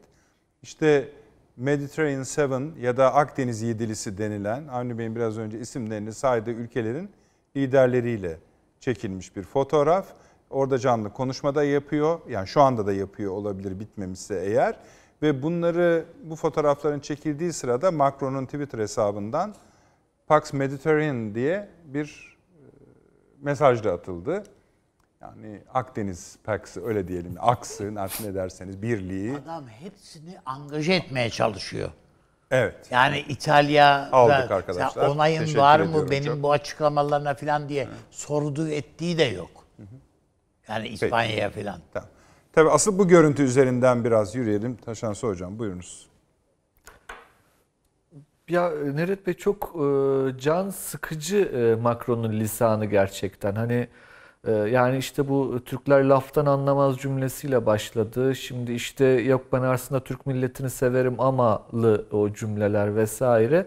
Yani bu e, şunu ortaya koymak gerekiyor. Yani bugün dünyanın içine girdiği dönem e, ulusal çıkar kavramının aşırı yükseldiği, Soğuk Savaş döneminden sonra yaşanan hayallerin bittiği, dolayısıyla hani bir e, Belle Epoque gibi e, yani birinci harp öncesi gibi ya da iki dünya e, savaşı arası dönemi hatırlatan ulusal çıkarın yükseldiği bir dönem. Şimdi o çerçevede ben o milleti severim ama ile başlayan cümlelerin hiçbir geçerliği yoktur. Yani ulusal çıkar peşinde koştuğu e, belli. Hiç de ayıplamayız. Herkes kendi milletinin çıkarını tabii ki savunacak. Yani hiç bu ayıp günah bir şey değil. Ancak şimdi tabii Macron'un hani şöyle bir e, sıkıntısı var. Yani zannediyorum hani madem ki tüm dünyada ulusal çıkar ve milliyetçilik kavramı yükseliyor. O zaman dünyanın yeni efendisi ideolojik düzlemde de biz oluruz. Napolyon'u biz çıkardık diye düşünüyor büyük ihtimalle. Hani çünkü malum milliyetçilik düşüncesinin sahibi Napolyon'dur değil mi?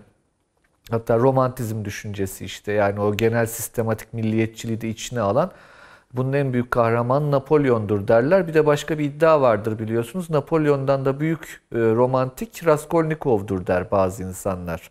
Suç ve Ceza romanının kahramanı. E, yani e, dolayısıyla bu e, iki arada bir e, sarkaçta savrulduğunu görüyoruz biz e, Macron'un. Napolyon olma derdinde ama Raskolnikovlukla sonuçlanabilir iş. Çünkü şu an yaptığı tam o.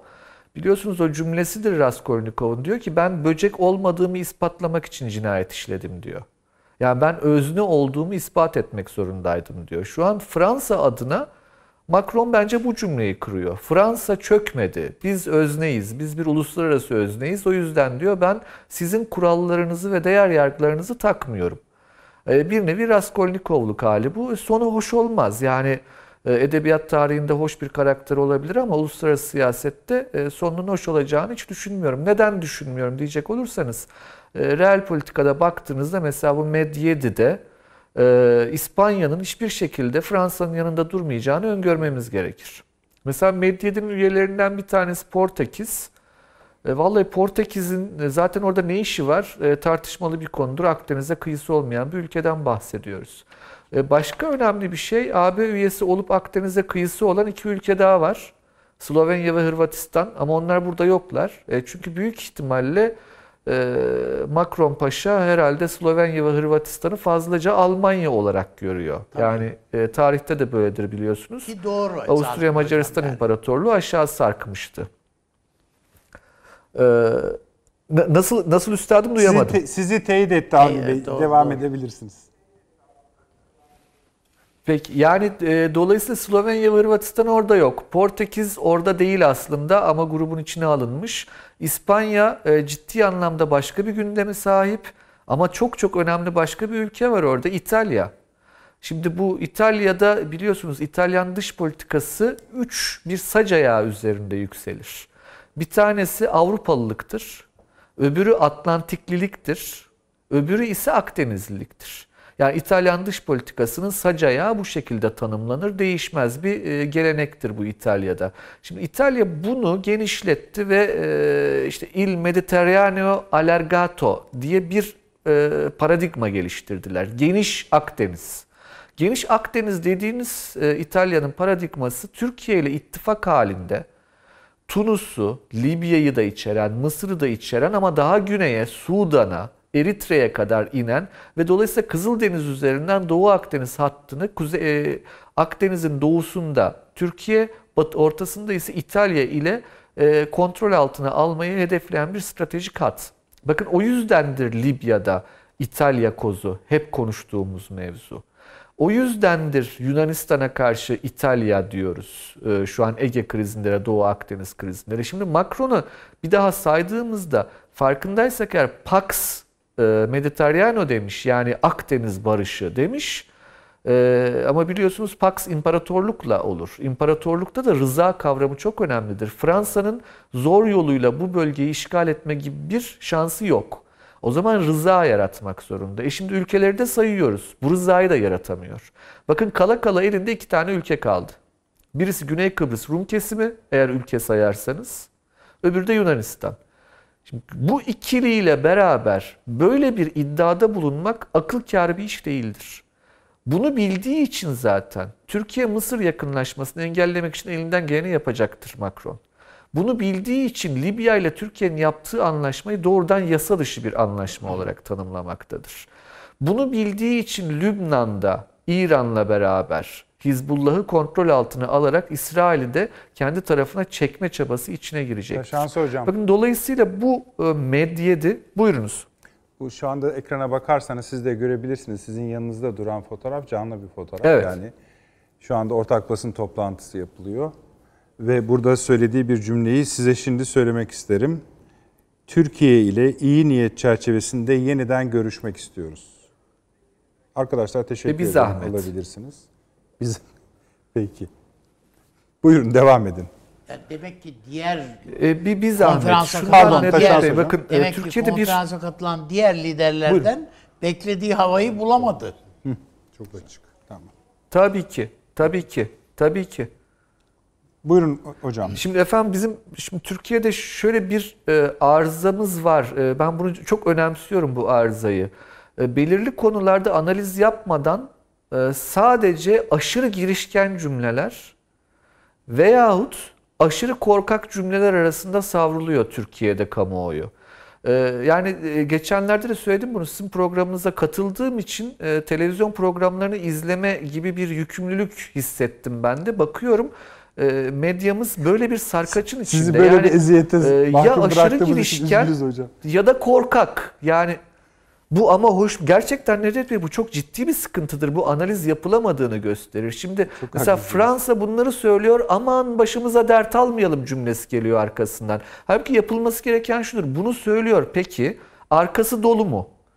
Eğer arkasının boş olduğunu görüyorsanız lütfen cüretkar olun. Ha arkasının dolu olduğunu görüyorsanız o zaman lütfen gerekli tedbirleri alın. Bakın bu bu sarkaçtan bir defa Türkiye'nin çıkması gerekir kesinlikle. Şimdi bu medyede e, öyle şeyler duydum ki ben Türk televizyonlarında. Aman efendim işte Akdeniz'de herkesi topladı. Hayır toplamadı efendim öyle bir şey yok. İşte biraz önce sizin okuduğunuz açıklama. Yani sabahında Türklere hat bildirmekten bahsedip ondan sonra altı liderle görüşüp yok yok ben yine de Türklerle konuşabilirim diyorsa bir adam eğer bakın bu ciddi anlamda bir analiz eksikliği olduğunu gösterir Türkiye tarafında da. Ee, Bunu çok çok önemsiyorum. Şimdi toplantının yapıldığı yer biliyorsunuz Korsika. Ee, hiçbir şey olmadı. Bak Fransız aklı inanılmaz sembolik çalışır. Ee, oradaki diğer altı lider emin olun Korsika'da bulunmaktan bile rahatsızlık duymuşlardır. Korsika'nın önemi biliyorsunuz dünya tarihinde Korsikalı'nın orada doğmuş olmasıdır. Korsikalı denilen de bir kişidir dünya tarihinde adı Napolyon. Şimdi bunu siz bir İtalyana anlatamazsınız. Yani Napolyon tarafından işgal edildiğini düşünür çünkü İtalyan. Bunu bir İspanyola anlatamazsınız. Ama yani Macron o kadar cüretkar ki gerçekten bu toplantıyı Korsika'da yapma kararı veriyor. Bakın bu ciddi anlamda sıkıntılı. Yani e, karşımızda bir kişilik analizi yapacak olursak eğer söylediğim gibi Napolyon'dan başlayıp Raskolnikov'a doğru savrulan bir Macron karakterini sa- sadece biz görmüyoruz herhalde. O toplantıya katılan liderler de görüyorlardır. Dolayısıyla Fransa'nın bu aşırı adımları Yunanistan'ı özellikle iteklemesi gerçekten ben komşu olarak bunu çok içtenlikle söylüyorum. Bir e, iğneleme değil emin olabilirsiniz. Gerçekten Yunan komşularımız adına kaygılanıyorum. Çünkü çok yanlış bir yola girdiler. Komşuluk bakidir. Bakın bu bunlar unutulmaz çünkü. E, ve arkası boş bir e, söze fazlaca itibar ettiğini düşünüyorum Yunanların. Ee, Umuyorum ki çabucak bu yoldan dönerler, Türkiye ile anlaşma yolunu seçerler.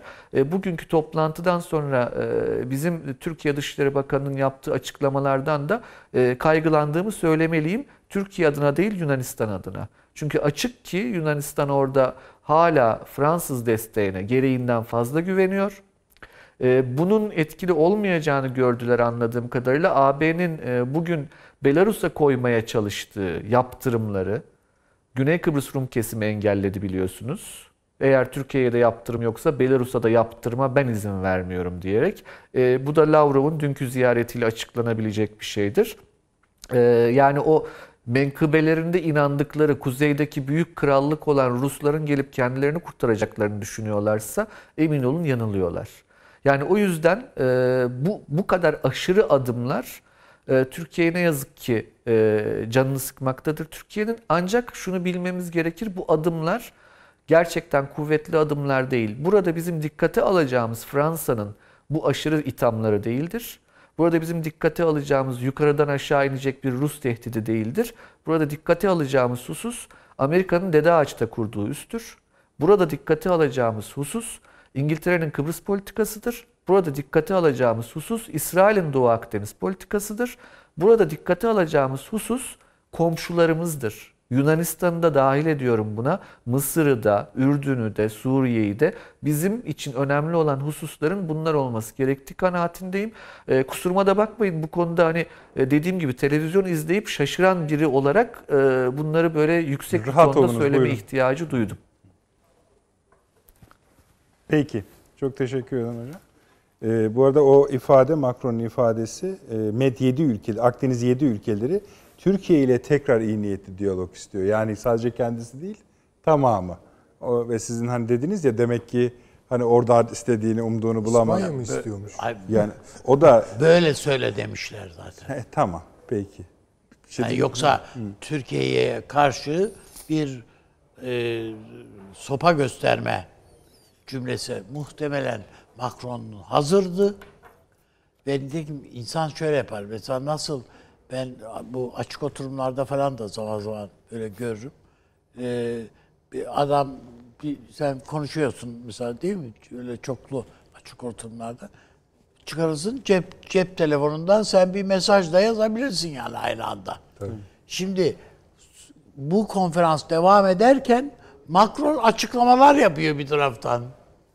O açıklamalarla bu sonuç hiç mutabık değil. Yani daha fare doğuruyor yani adama. Adam ama bunda ısrarlı.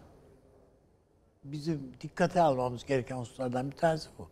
Ve tabii inşallah sadece biz değil bu tabloyu Merkel de görüyordur diye ümit ediyoruz. Süleyman Hocam.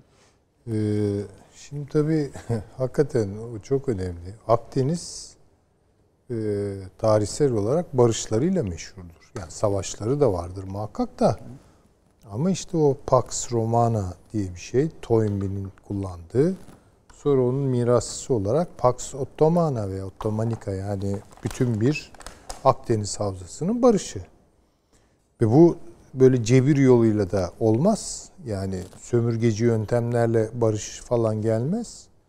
Ee, bu aynı zamanda belli garantileri e, insanlara hissettirerek, onları kazanarak filan yürür. E, kolay iş değildir yani inşası. Çok uzun zaman alır. E, tamamlandığı zaman da kendi kırılganlıklarını taşır. O kırılganlıklar işlemeye başladığı zaman belli boşluklar doğar. Gene bir kaotik dönem gelir. İşte İbni Haldun'un anlattığı çevrimlerdir yani. Ondan sonra onun yerini biri alır. Bir başka güç alır. Yani bu mesela sömürgeciliğin müdahaleleri olmasaydı belki Osmanlı'da zaman içerisinde Doğu Roma'nın yaşadıklarını yaşayacaktı. Belki bir başka unsur gelip onu tekrar Öyle. E, bir başka e, inşanın konusu haline getirinceye kadar. Yani bunlar kodlar, buradaki kodlar. Bunun bunu Fransa'nın anlamasına imkan yok. Yani bunu bunu anlamadığı için zaten bu saçma toplantıya e, Akdeniz barışı diyor. 7. Çok mu seviyorlar? Yani niye 8 değil, niye 6 değil o da belli değil. E, Dolayısıyla tam bir fiyasko bir kere onu e, söyleyelim. E, Geçen programda konuştum. E, Fransa'nın temsil ettiği Avrupa aklının bir tarafıdır. Yani Batı hakikaten böyle mütecanis bir şey değil. Ee, Fransa kahırlı düşünen bir e, geleneğe sahiptir. Çünkü kafalarında değişmez. Sabite olan şey şudur. Fransızlar seçilmiş ulustur. Fransız kültürü gelmiş geçmiş en yüce kültürdür. Fransız dili, Fransızca en edebi ve estetik dildir. Akıl bizdedir, matematik bizdedir filan böyle kendi şampiyonluklarıyla e, bir tür narsisizm yani öz tapınma kültürleri var. Her ulusta vardır da bu. Bunlardaki biraz artık yani etrafı da bir şey bırak mübarek yani onu onu da yapmazlar. Ee, tabii bunun karşılığı bir dünya egemenliğinin olması lazım yani. Fakat o da olmuyor bir türlü. Yani tam tersi hep bir kayıplar e, defteri açılıyor. İşte Amerikaları kaybediyorlar bilmem e, Almanya'ya kaybediyor, Rusya'ya kaybediyor, kaybediyor, kaybediyor. Yani bir tutturduğu yer var iyi kötü işte bu e, Afrika'da. Onun da hakikaten kanını emiyor. Dolayısıyla iht- ihtiraslarını da şey yapıyor. e, Kışkırtıyor yani. Kendi halindeyken kahırlıdır ama bir süre sonra bu bir ihtirasa da dönüşür işte. Napolyon bunun bir zirve noktasıdır. E şimdi de hakikaten bir yeni Napolyon namzetiyle karşı karşıyayız ama o, o öyle değil. Yani bu işi bir kere zaten böyle banka memurluğundan falan alamazsın yani. Öyle bir misyon görüyorsan da kendinde hani Napolyon askerdi yani. Ve Napolyon sadece e, hani böyle bir asker ama aynı zamanda Fransız ulusunun da mimarıdır. Yani asker millet nosyonunu da Evet. Fransa'ya oturtan adamdır yani. yani böyle ş- şakası yoktur o işlerin yani. Ve karizmatiktir yani ordu halk e, düzleminde. E, sonra zaten bunun şeyi de siyasal yansıması da işte meşhur Bona, Bonapartizmdir yani. Halkın sevgisi ve rızasına dayalı hükmetmektir yani. Evet. Böyle bir Bonapartizm diye bir şey de vardır yani. Tabii onunla ilgili değil ama isim benzerliğinden dolayı ama bu Bonapartizmin de şeylerini yani Louis Bonaparte tabii başka biri de hani bir hata yapmış Yap. gibi durmayayım Ee, ama fideli Napolyon Bonaparte'tır yani. Bu, bu çok açık. Asker millet mefhumu Fransa'da ilk defa. Bizde de hocam işte milleti bizde- müsellah dediğimiz Tabii biz o. de onu bir şekilde hani zaten silahlı bir millettik de biz öteden beri hani neyse yani onu modern koda otururken bu Fransız etkisini yani bu Napolyonik etkiyi de, e, e, de aldık. Yani bir kanat Habsburglardan geldiyse bir kanat da şeyden geldi. Tabii hocam yani Ee, baksanlar, Fransa'dan geldi yani. O, Askeri bu akademi İttihat Terakki subaylarının hepsinin masasında Napolyon'un üstü duruyor. tabii yani. ki öyledir. Peki, Ee, pardon. Yani şimdi demek istediğim e, kalibresinin kaldıramadığı bir işin içinde Fransa. Hakikaten şöyle hani eleği eleyip üstüne ne kaldı diye baktığınız zaman işte Yunanistan var. Evet. Yani bir de Güney Kıbrıs var.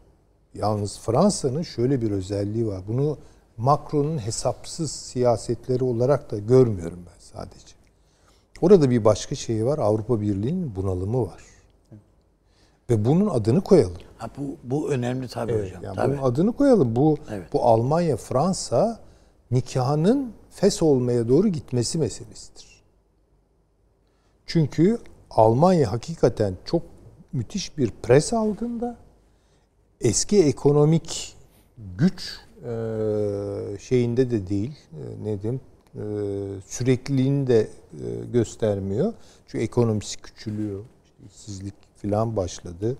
Alman bankaları çok kötü durumda falan. Yani Almanya'nın şeyi iyi değil. 2008'de bu hiç gözükmedi.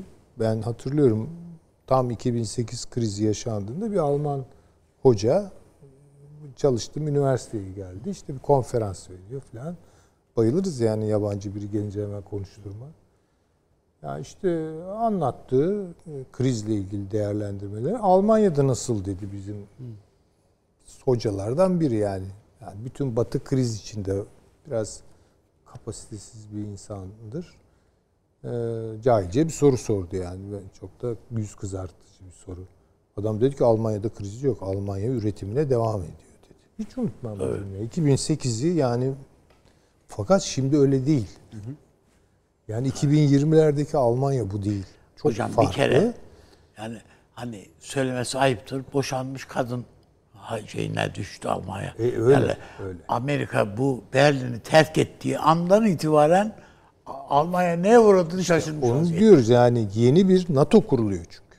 Ve bunun ekseni Doğu Avrupa. Varşova Paktı'nın e, külleri üzerine yani çok yani Varşova'da en e, şeyi e, Batı güç dediğin senle güç- inşa edilmiş. Şimdi yeni bir batı diyorlar. Sen yoksun. Tabii tabii. Yani, Yani bu, bu- Avrupa Birliği'ni iyice geriye atmak. Şimdi bu bir boşluk doğurdu ve Almanya'yı zor duruma. Bir de Rusya ile arasına tampon sokuyorlar ikide bir filan. Ee, eski gücü yok. İşte Yunanistan'daki kredisi çok kötü. Yani Yunanlılar nefret ediyorlar Almanlara e, dair. Ee, Balkanlarda bir takım yeni iş bölümleri, bölüşüm gerilimleri vesaire var. Yani Almanya bir çıkış yolu arıyor işte. Bunu zaaf olarak görüyor. Yani bu şimdi şunu görelim. Ee, Modern Avrupa tarihinde İngiltere'nin izlediği kıta Avrupa politikası şudur. Fransa ile Almanya'yı sürekli Kapıştırmak. birbirine kapıştırmak. Araya libero olarak oyuncu Rusya'yı sokmak falan. Ya Bunu aşarak Avrupa Avrupa olabildi zaten. Ya bu kan davasını Schuman ruhu, Adenauer'lar, De Gaulle'ler ya yapmayalım bak hepimiz kaybediyoruz. Yani bir bir araya gelelim falan bir şirket kuralım yani falan. Bir takım e, raflara kaldırdılar. Şimdi o dosyalar yavaş yavaş çıkıyor. Çünkü Almanya'nın hesapları farklı, e, Fransa'nın farklı ve Fransa burada yeniden Avrupa'nın bir şeyi ne diyelim ona kurucu ana aktörü. Şeyi görür müsünüz hocam? Siz bu e, keşke mesela Merkel'in önümüzde daha bir zamanı olsaydı ve Türkiye meselesini e, çünkü yeni yeni bir Alman lidere anlatmak yine bir zaman alacak ama Merkel tam kavradığı zamanda gidiyor Ee, Merkel'in yerine geleceği rivayet edilen, edilen hanımefendi Merkel'in bildiğinden çok daha fazlasını biliyor yalnız. Öyle midir? Ha, o, o, kadar- ondan, Savunma Bakanı onu diyorsunuz Savunma değil mi? Bakanı. O bence daha donanımlı.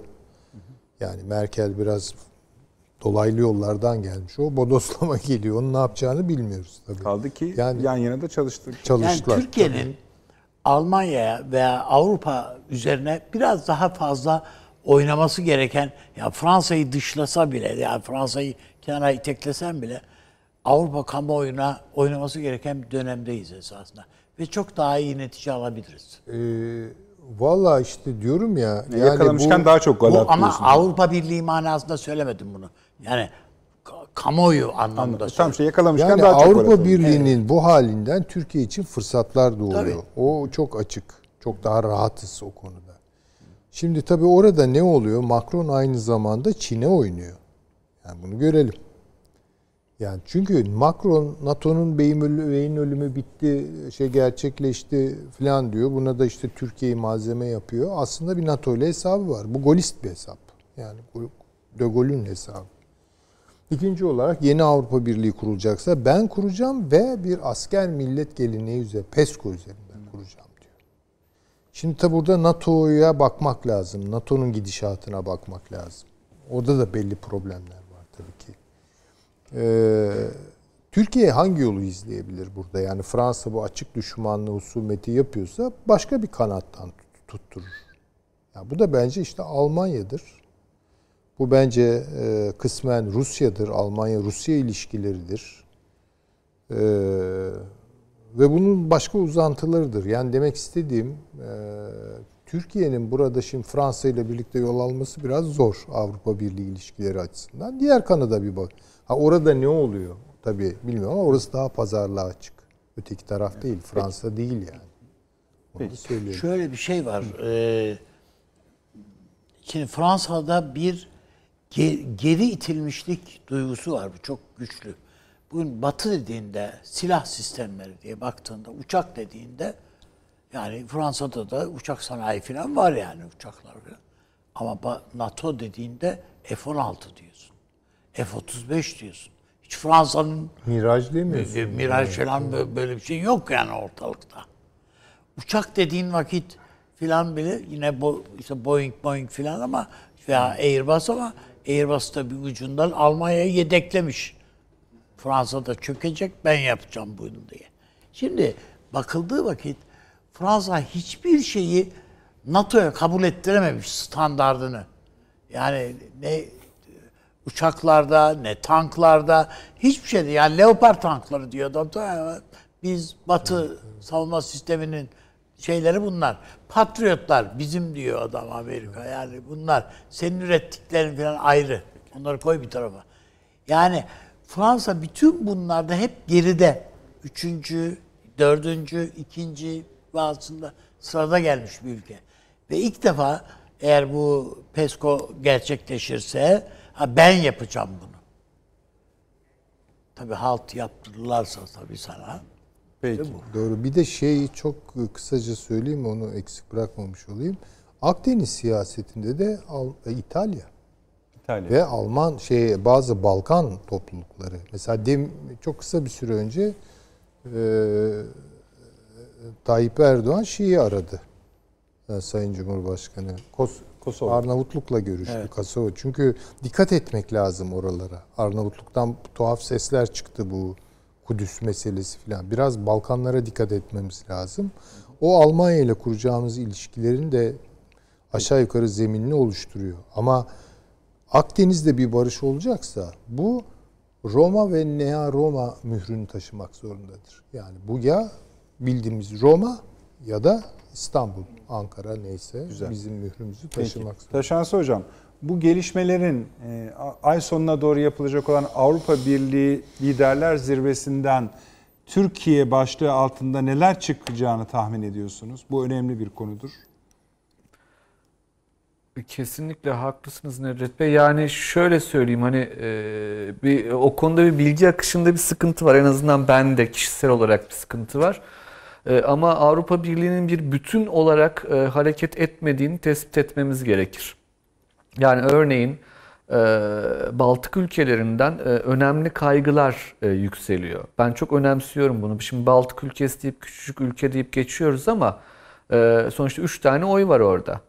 E, aynı şekilde baktığınızda yani e, bu Danimarka'ya bakın, şeye bakın, İskandinavya'ya bakın, e, Almanya'ya bakın, Polonya'ya bakın, oradan aşağı doğru inin Karadeniz'e kadar.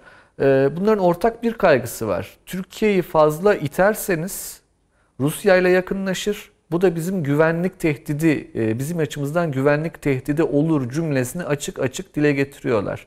Şimdi bu Türkiye tarafından ne kadar kullanılıyor bu durum e, ben onu bilmiyorum. E, Ama e, birkaç hafta evvel de söylemiştik bunu. E, Belarus konusu mesela o kadar kritik bir konudur ki. Çünkü Doğu Avrupa demektir. Doğu Avrupa'nın anahtarıdır. Ve Doğu Avrupa'nın anahtarında böyle bir sıkıntı olduğu anda bu Türkiye açısından e, imkanlar yaratır. Bu imkanlar işte önemli bir denge unsuru olarak Rusya ile beraber nasıl kullanılır? Rusya'ya karşı Rusya ile beraber, Almanya'ya karşı Almanya ile beraber ama e, orada önemli bir potansiyel olduğunu tespit etmemiz gerekir. Birincisi bu. İkincisi şimdi geçen hafta e, söyleme fırsatı bulduğum, çok önem verdiğim bir konu. Bu Akdeniz konusunda da öyle, Yunanistan'la ilişkilerde de öyle. AB üyesi olmayan bir ülkeden bahsediyoruz, Arnavutluk. Ama şaşırtıcı bir şekilde Fransa, İtalya, çok affedersiniz Fransa, Yunanistan ve Güney Kıbrıs Rum kesiminin yanında yer aldı Arnavutluk. AB üyesi olmamasına rağmen. Yani o zaman da sordum ben bu soruyu geçen hafta. Bir daha tekrar etmek isterim. Önemli buluyorum çünkü. AB üyesi olmayan Arnavutluk hangi bağla bu konuya girer ve taraf olur? Bağı bir tane bunun. NATO. Demek ki NATO içinde de belli unsurların bu konuda ikili oynadığını, oynayabileceğini tespit etmemiz gerekir. Orada da dönüp dolaşıp yeniden geliyorum aynı yere dede ağaçtır. Şimdi bakın oradan başlattığınız hat sizi Bulgaristan üzerinden, Yunanistan üzerinden eski Yugoslavya topraklarına götürür.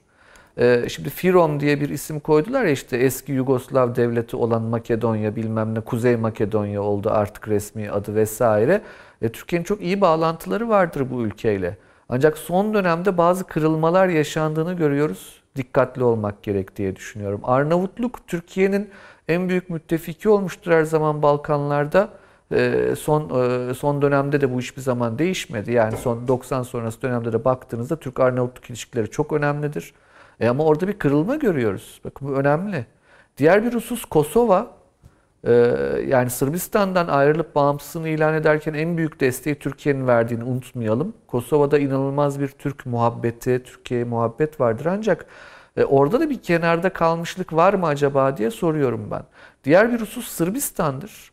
Sırbistan Rusya ile çok yakın ilişkilere sahip olmasına rağmen geleneksel olarak Amerika'nın bu bölgeye konduğunu, oturduğunu görüyoruz. Yani Vucic'in işte en son Beyaz Saray'daki fotoğrafı mesela e, Temel Üçgidi filmine referans vererek Rusya Dışişleri Bakan Sözcüsü Zaharova e, Sırbistan Devlet Başkanı'nı eleştirdi Vucic'i. E, sonra da özür diledi ertesi gün gelen tepkilerden dolayı ama Rus diplomasisi biraz böyledir. Ben sözümü söyleyeyim, e, canı, yak, canı yakayım, acıtayım ondan sonra bakarız gibi bir şeydir. E, sonuçta o can bir kere yandı orada. Ama orada Amerika'nın etkisinin Sırbistan'da, Kosova'da, Makedonya'da, Arnavutluk'ta e, Almanya ile beraber mi yoksa birbirine rakip mi onu iyi tespit etmek lazım. Ne orana kadar beraber ne kadar rakip. İkincisi Rusya'nın bu bölgede Amerika tarafından ittirildiğini tespit etmemiz gerekir. E bakın o ittirme süreci zaten Romanya'da kesinleşmiş bir durumda. E, Roman, Romanya şimdi şöyle söyleyelim.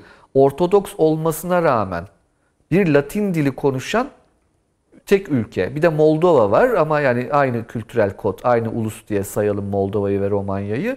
Ee, ama Katolik olmasından mütevellit Doğu Avrupa'ya AB yayılırken Polonya'ya vesaire, Polonya'ya, Çekya'ya, Slovakya'ya, Almanya yayıldı. Ama Romanya Fransa etki alanına bırakılmıştı iktisadi olarak. Ama Fransa orayı bıraktı. Yani iktisadi olarak birkaç fabrika yatırımı var sadece e, Renault firmasının. E, ama onun dışında bir etkisi yok. Amerika var artık orada. Demek ki bakın Amerika'nın Balkanlara aslında hiç de ses etmeden epeyce yerleştiğini tespit etmemiz gerekir. Bu bir risk midir?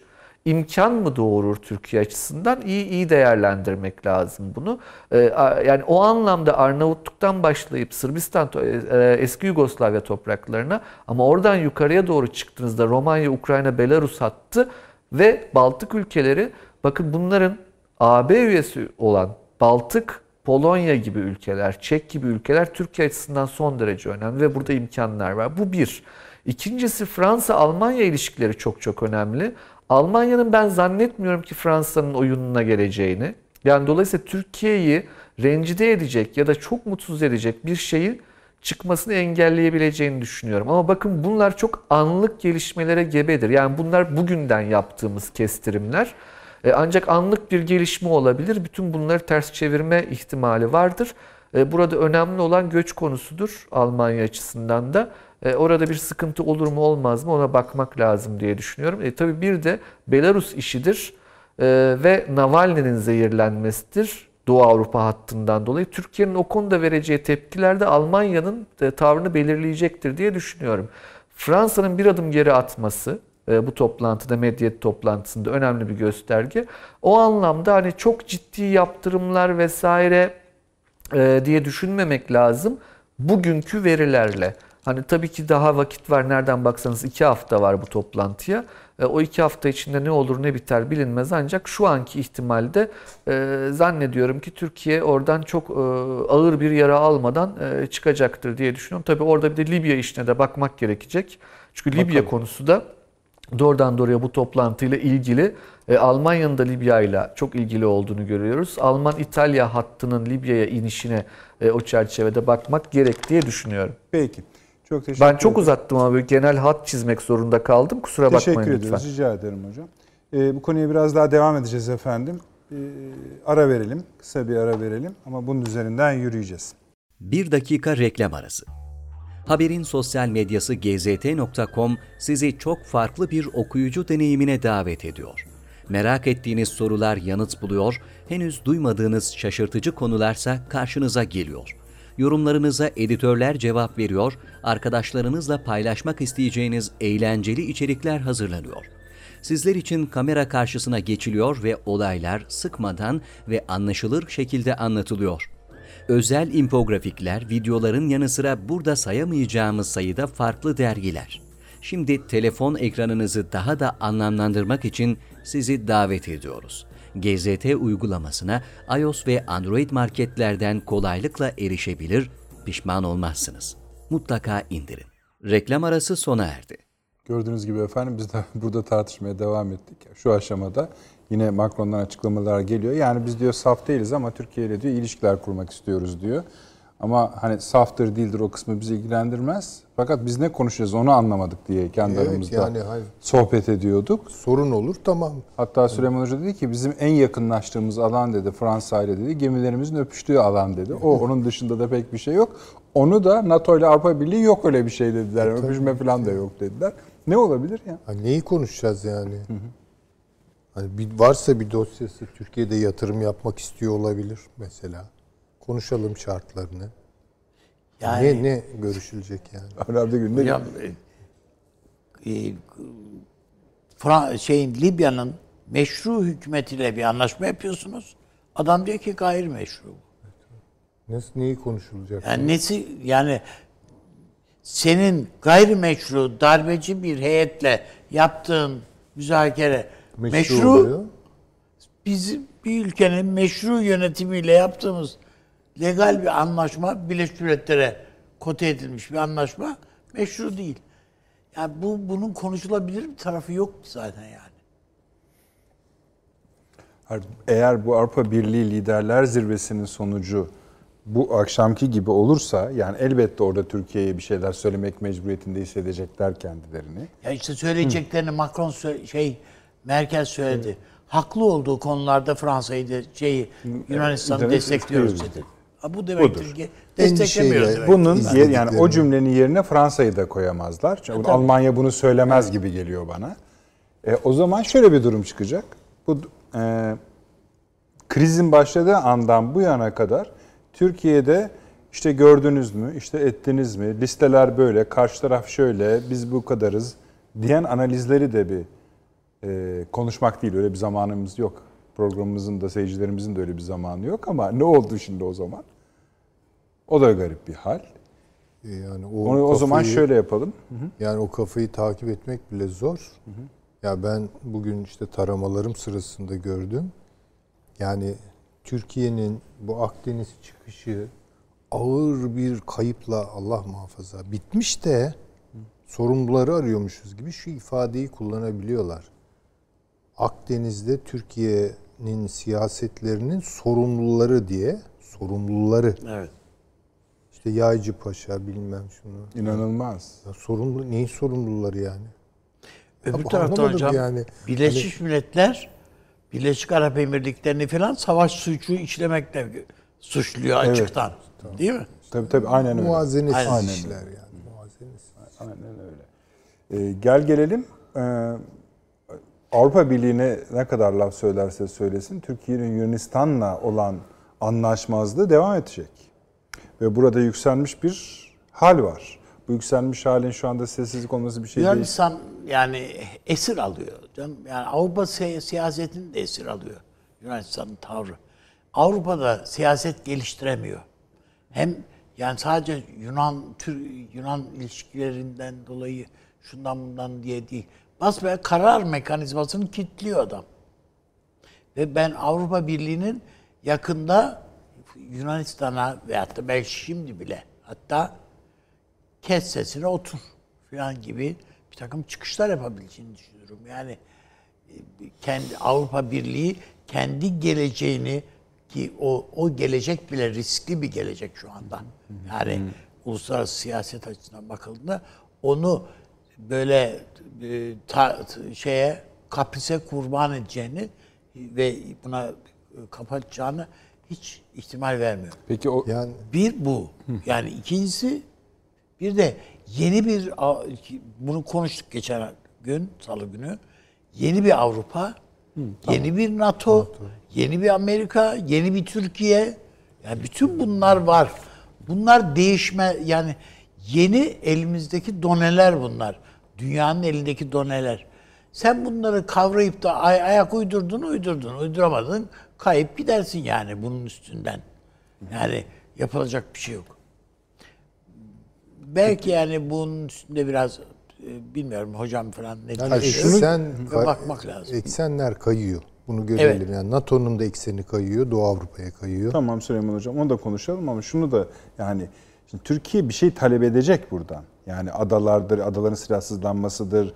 Bu onu, ka- onu sahanlık- Avrupa'dan talep etmez. Tamam. Türkiye. Zaten derdimiz bu. Siz ne Ha. karışıyor? Yani Yunanistan da bizim Ne meselemizdir bu. yani? Tamam.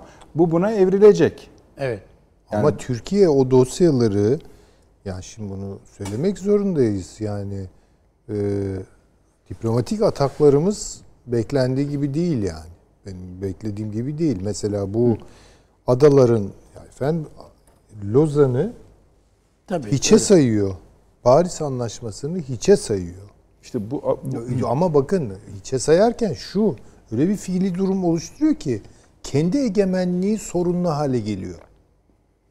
Bunu ancak iki şekilde yapabilir. Bir, akıl tutulmasına uğrar, yapabilir. İki, ya yap bunu biz görmezden geliyoruz diyen birileri vardır.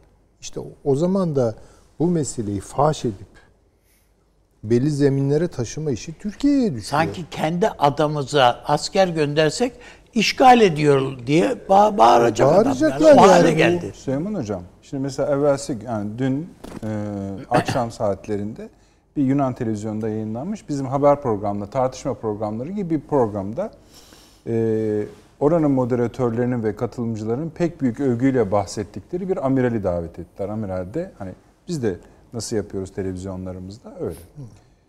Konuş ilk soru şuydu. Yani dedi e, moderatör diğer konukların da desteğini alarak Türkler dedi Girit'e dedi savaş gemisi gönderirse dedi. Herhalde vuracağız değil mi dedi amirale. Amiral de dedi ki tam nereye vuruyorsunuz anlamadım dedi. Yani efendim dedi işte hani bu bizim egemen bakın dedi yani herhangi bir Türk gemisini vurma, vurmazsak çok iyi olur dedi. Bu durum öyle bir durum değil dedi. Ha. Ve oradaki konuklar dahil bu andan itibaren moderatörün o amirale davranışları baştan aşağı değiştiği gibi adamı kısa süre sonra da e, programdan çıkardılar.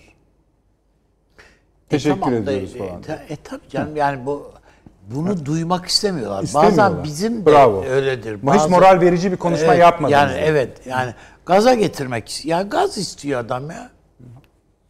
Çok açık yani. Ya bu işte bir iç, iç politika işi değil yani. Evet. Bu hata İşte eğer yani. yani e, mesela şöyle dediler orada o da ilginçti. E, bizim arkamızda kimse yok mu diyorsunuz e, diyorsunuz. Vallahi dedi ben de Avrupa Birliği'nin bu şekilde destekleyeceğini düşünmüyorum bizi dedi. Ömer. Ama dedi e, bakın dedi 8 milyonluk İsrail dedi ne kadar güzel dedi direnebiliyor bazı şeylere dedi oradaki tartışmacılar. O dedi ki onun arkasında da Amerika Birleşik Devletleri var dedi. Yani sizin arkanızda tam ne var? Bu, bunu ben öyle görmüyorum dedi. Yani. Ondan sonra da zaten adamı hani teşekkür ediyoruz, moral vermediniz bize diye gönderdiler. Şöyle bir şey var yani e, bu bu Yunanistan'ın ruh halinden kaynaklanıyor falan. Önemli olan Yunanistan'ın şeyi değil. Yu- Avrupa Birliği'nin ikinci büyük ülkesinin Fransa'nın buna e, bu bunu bunu bir koçbaşı gibi kullanmak isteyiş. Aynen. Ve ortada kalıyor, Ha, kalıyor işte. Ama işte bu koçbaşının kuy, şeyleri, boynuzları alçıdan. Vurduğun anda gider yani bu. Tamam da bu nihayetinde bizim diyelim Bu bir ki kapı açmaz yani. tamam bize Fransa'ya. açar mı? Hayır, bize değil. Fransa'ya açmaz. Onu anladım. Bize açar mı yani sahada? Tabii şimdi şu anda bile e, yani hani bir laf var yani karpuz kabuğu düşürdün yani aklımıza der gibi. Yani şimdi düşün ki biz sessiz sedasız yani sen o bütün adaları silahlandırdın falan biz ağzımızı açmadan gidiyorduk. Değil mi? Şimdi Türkiye'de bir 12 adalar bir ses çıktı. Yani şu sembolik, membolik ama işte MHP çıkmış efendim bir, bir takım gösteriler yapıyor yani bu önemli bir şeydir, duyarlılıktır. Tabii, tabii. Yani gündeme getirir, taşır bunu. Ee, yarın bir gün gör, bunun sonuçlarını Güney e, Kuzey Kıbrıs Türk Cumhuriyeti seçimlerinde de göreceğiz. Evet geleceğiz bu akşam biraz sonra. Yani bütün bunların etkileri var. Yani o kabarmak faturası e, Yunanistan'a çıkıyor zaten bunun faturası. Türkiye'ye çıkan bir fatura yok ki. Geçen bir vesileyle şey yani Ankara'da bir görüşmede falan da söylendi. Kardeşim oraya ge- şeyler getiriyorsun, e, sondaj gemileri getiriyorsun, şeylerini, kiralarını ödeyemediğin için adamlar hem seni icraya veriyor hem de çekip gidiyorlar. Yunanistan ve Güney Kıbrıs için söylüyorum. Türkiye'nin rahatlığına bakın yani.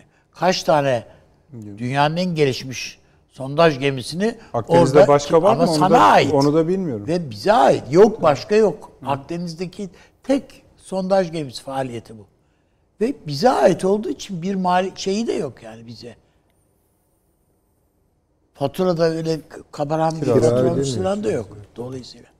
Yani bütün bu yatırımların ne kadar yerinde isabetli yapılmış olduğunu gösteriyor yani. Peki Süleyman Hocam kesildi sözünüz biraz kusura bakmayın. Ha, Yok hayır ben Bu şöyle şey bir hani bir yere yani bir sonuca varması açısından tam diplomatik adımlar at- atamıyoruz gibi bir şey söylüyorum. yani biraz daha bence bilemem tabii işte dediğim gibi hep buradan bakmanın getirdiği e, ne diyelim ona e,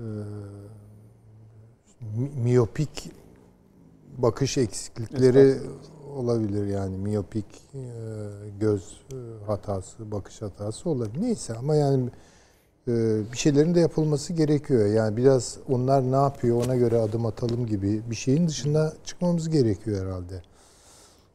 Biraz da diplomatik olarak ağırlık koymakta Adamların fayda o var. şirretliği bizde de etki yapmış ama hocam E yani. işte biraz öyledir yani. E, Ne- tel- ne- nasıl etki yaptı? Ya etki yapmış şu ya. ya şimdi ortalığı üstümüze velveleye vermek diye bir şey ya. var. Evet evet. tabii öyle Üstümüze bir şey var. sıçratmayalım yani. Bütün şeyi bu.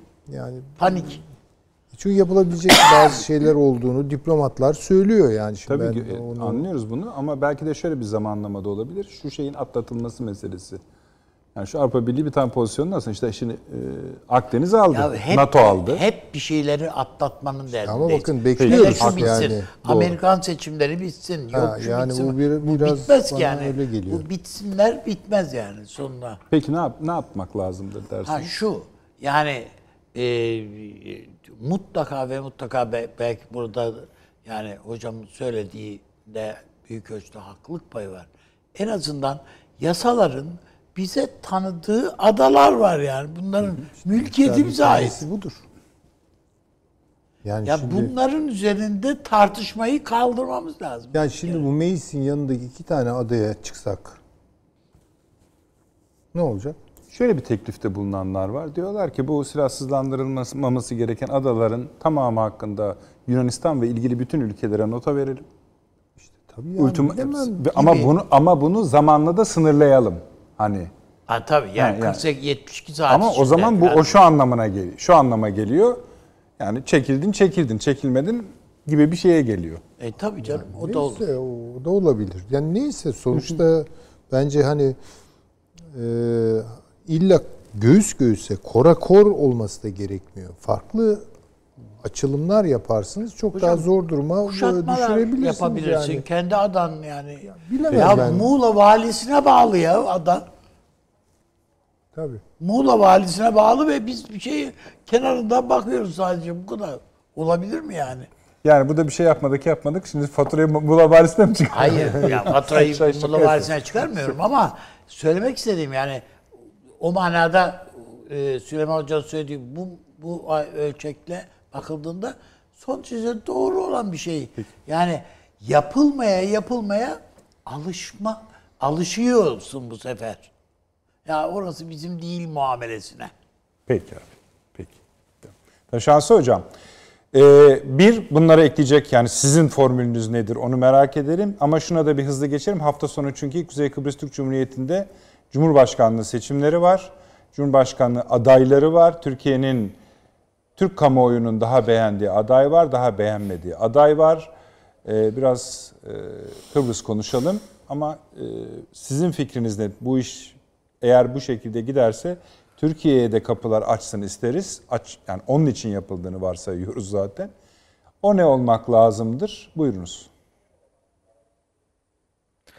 Ee, ya şöyle hani Türkiye'nin pozisyonunu aslında bir hatırlayacak olursak burada e, bizim hep en yüksek perdeden dillendirdiğimiz bir hakikat var. E, Doğu Akdeniz'de bu kadar uzun kıyısı olan tek ülke Türkiye ve Doğu Akdeniz hesaplarında bizim bu kadar kıyımız varken bizi dışlayarak bir iş size yaptırtmayız. Bu e, bizim için adil değil, genelde adil değil diyoruz. Yani bizim söylemimiz bu. Şimdi bu çok kuvvetli bir argüman. Ee, dolayısıyla hani biz bize karşı kurulan bir oyunu bozma peşindeyiz şu an. Tabii ki hani bu diplomaside şöyle söyleyeyim hani ileri bir adım atıp e, daha azına razı olabilirsiniz veya makul pozisyonunuzu koruyarak o makul pozisyonunuzdaki taleplerinizi karşılayabilirsiniz. Bunlar e, gerçekten benim bilebileceğim detaylar değil. O detayları bilmediğim için hep sizin programınızda söylüyorum. Hani şu yapılmalı e, diyemem. E, çünkü o detaylarda saklıdır aslında yapılması gerekenin sırrı. E, bende o detaylar yok. Onlar olmadığı müddetçe de doğrusu şudur, doğrusu budur deme ihtimalim yok ama resmi çizmeye çalışıyorum hep. O resimde benim aklıma gelen şudur. 1947 Paris Anlaşması'nın yapıldığı, yapılmasının hemen arifesinde e, Türkiye Cumhuriyeti Dışişleri Bakanı Tevfik Rüştü Aras'ın yazışmaları vardır. Acaba bunlar arşivlerden çıkarıldı mı? Mesela önemli bir sorudur benim aklımda. E, Çünkü e, orada Sayın Aras'ın e, sağlam iddiaları var. Türkiye'ye çok yakın olan adaların bir kısmının Türkiye'ye verilmesi gerekir iddiasını dillendiriyor Türkiye. E, Hatta işte İngilizler de o dönemde ya Amerikalılar Yunanistan'a verilmesini istiyorlar diye cevapları var. Ben yanlış hatırlamıyorsam. Yani o vesikalara bir tekrar bakmak gerekir. Ya bu işler birazcık e, vesaikle yürüyen işlerdir. E, O vesaik lazım bize. E, Birincisi o adalara dair. İkincisi ben yanlış biliyor olabilirim ama teyide muhtaçtır bu. Bunu diplomatlarımız daha iyi bilirler. 1947 Paris Anlaşması'nda Yunanistan'a devredilen adaların isimleri tek tek sayılmıştır. Bunun dışında kalan adalar ve adacıklar ise zaten Türkiye toprağıdır. Şimdi bu böyleyse eğer Meis'in kıyısındaki iki tane ada zaten Türk toprağı olsa gerek diye ben düşünüyorum. Ama dediğim gibi hani bu uzmanlık alanıdır. Ee, o konuda e, çok iddialı konuşmak istemem. Ancak bugün bir habere rastladım. Bu adacıklardan bir tanesinde Yunan askeri çıktığına dair. E bakın bunlar e, riskli mevzulardır. Şimdi eğer toprak sizinse e, yani bu ha Bodrum'a çıkmış Yunan askeri, ha adanıza çıkmış çok fark etmez. E, bunlar önemli. E, hani bu resmi genel olarak çizmek açısından söylüyorum. Birincisi budur. Efendim ikincisi e, bu adaların silahsızlandırılması hususunda e, gayet meşru diplomatik teamüller vardır aslında. Yani yapılan işlemler vardır. E, nota yazarsınız, yollarsınız. E, ultimatomunuzu verebilirsiniz vesaire. Artı sonucunu da söylersiniz ya da söylemezsiniz açık uçlu bırakırsınız. Yani şöyle bir şey yoktur. E, Ben bu adaların e, bir hafta içinde silahsızlandırılmış statüsüne geri döndürülmesini senden talep ediyorum. E, deyip Yunanistan'a bunu ilgi olarak Anlaşmaya taraf olan ülkelere bilgi olarak, ilgi ve bilgi olarak yollayabilirsiniz. Ancak burada bir haftanın sonunda ben şöyle bir tedbir alacağım diye yazmak zorunda değilsiniz. E, Ancak zaten e, pek çok alternatif vardır orada. E, onlar açık kapı olarak Yazmazsak, bırakılır. Veyahut yazmazsak yazarsınız. yapmazlar ki hocam. E, yo yani zaten çoğu zaman anlaşılacaktır bunun Ha, sonucu. anladım, E, yani Dahildir sizin alacağınız diyorsunuz. tedbirler e, belli olabilir. E, mümkündür tabii ki. Ya da doğrudan yazarsınız dersiniz ki ben buraya askeri müdahalede bulunacağım. Bunu Birleşmiş Milletler Anlaşması'nın 51. maddesindeki meşru müdafaya dayandırabilirsiniz. Hani çok uç şeyler söylüyorum şu Tabii an. tabii anlıyorum. Ama yani e, dış sınırı çizelim ki içindeki imkan alanı belli olsun diye. E, bunlar mümkündür. Bunun dışında e, tabii ki e, sadece Yunanistan'ı muhatap almayıp hem bu anlaşmalara taraf olan ülkeleri bu işe dahil edebilirsiniz. Yunanistan AB üyesi olduğu için AB üzerinden bu işi de götürebilirsiniz aynı anda. Yunanistan NATO üyesi olduğu için NATO üzerinde de yani NATO platformunda o marjda da bu çalışmaları yürütebilirsiniz. Eğer BM'de e, bunun e, şeyini oluşturduysanız, altyapısını oluşturduysanız BM'de gündeme getirirsiniz. Bir sürü mekanizması vardır. Ancak var, e, var ve var. Epeyce bir şey ihtimal var. Ancak bunlar çok teknik, diplomatik imkanlar. Bütün bunların ötesinde tabii ki bu teknik, fiili yapılacak işlerden önce bahsedilen, bahsedilmesi gereken esas konu Yunanistan'ın arkasında duran Fransa'ya belli cevapları verebilmektir. Aynı zamanda Yunanistan'ı bölgede yalnızlaştırabilecek diplomatik girişimlerde bulunmaktır. Yunanistan'ın kuzeyinden batısına ge- geçen e, ülkeler e, silsilesine baktığınızda e, orada Türkiye'nin etkisinin artması bir yöntemdir. Yunanistan epeyce canını sıkan şeylerdir bunlar. Aynı şekilde Akdeniz'e komşu olan ülkelerle Türkiye'nin kuracağı iyi ilişkiler, e, yapıcı ilişkiler veyahut e, Yunanistan'ın önünü alacak e, bazı adımlar e, başka bir ihtimaldir. Aynı şekilde bölgede hem Balkanlarda hem Akdeniz'de varlığını arttıran Amerika ile ilişkiler önemli bir şey- husus olabilir.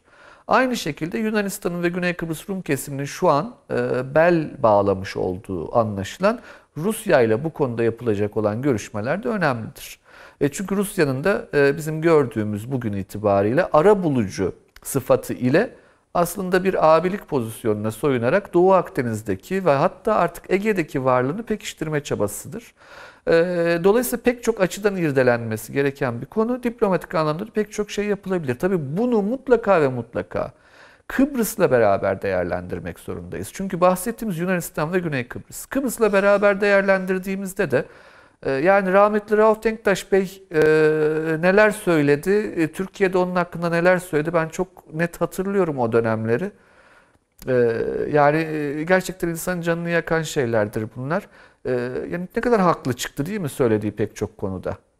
E, Bugün açısı bugün de baktığımızda e, yani onun söylediği cümlelerden ve bugün dünyanın içine girdiği bu aşırılaşmış olan ulusal çıkar kavramının yarattığı imkanlar ve riskler çerçevesinde Kıbrıs'ın oradaki Türk halkının e, haklarının savunulması ama aynı şekilde Doğu Akdeniz'de hem Kıbrıs Türk halkının hem Türk halkının yani Anadolu'da kurulu olan Türkiye Cumhuriyeti halkının bu ikisinin de çıkarlarının savunulması çok çok önemli. İç siyaset konusunda çok gerçekten takip ettiğim bir yer değil Kıbrıs.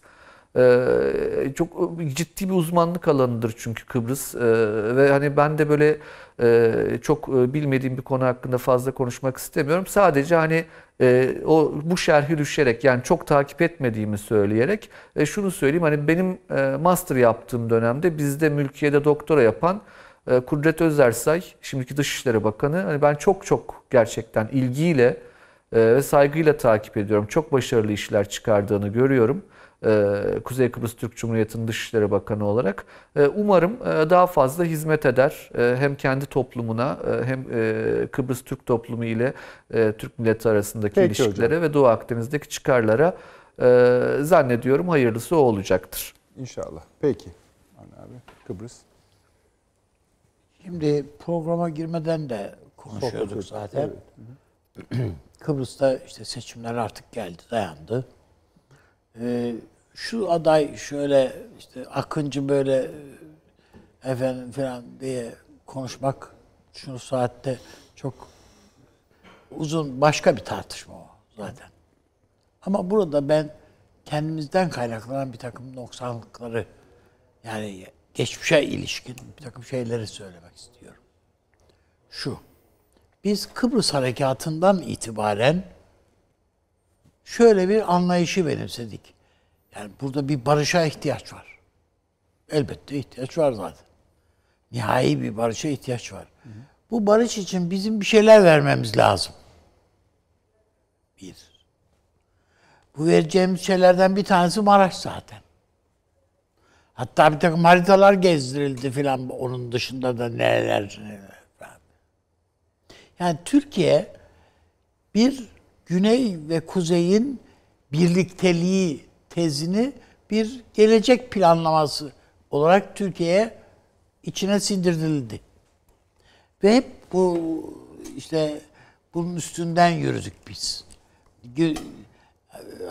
Efendim zaten bu Güney'le bir- birlikte hele hele Güney'in bu e, Avrupa Birliği'ne alınmasından sonra eğer Kuzey ile Güney birlikte Avrupa Birliği'ne girerse Türkçe'de zaten Avrupa Birliği'nin resmi dillerinden birisi haline gelecek. İşte önemli bir nüfus Avrupa Birliği vatandaşı kimliğini alacak. Şu olacak, bu olacak falan filan filan. Bunların hepsi Güney, Kuzey Kıbrıs'ta bir ulus kimliğinin e, kök salmasında ki zaten o duyarlılık var yani. Yoksa o mücahit hareketini filan neye dayanarak yani sadece Türkiye'den giden iki tane subayla bu şey yapılmış değil. Yani bu Kıbrıs halkından gelen talep üzerine rahmetli Menderes'in Ankara'da e, Zir köyünde Ankara'ya yakın bir köy. Orada kurdurduğu örgütten söz ediyoruz. Mücahit Hareketi derken. Rahmetli Türkeş Bey'in yine rahmetli damadı efendim e, Hamit Homriş filan da o hareketin içinde. Yani bir mücahit hareketi organize edildi. Bu yani Kıbrıs Türklerine rağmen organize edilmiş değil. Aksine o katliamlara, o eziyetlere ma- maruz kalan Kıbrıs halkıyla birlikte. Şimdi dolayısıyla o duyguyu, o milli duyarlılıkları e, ihya ve güçlendirmeyecek bir sürece ihtiyaç var.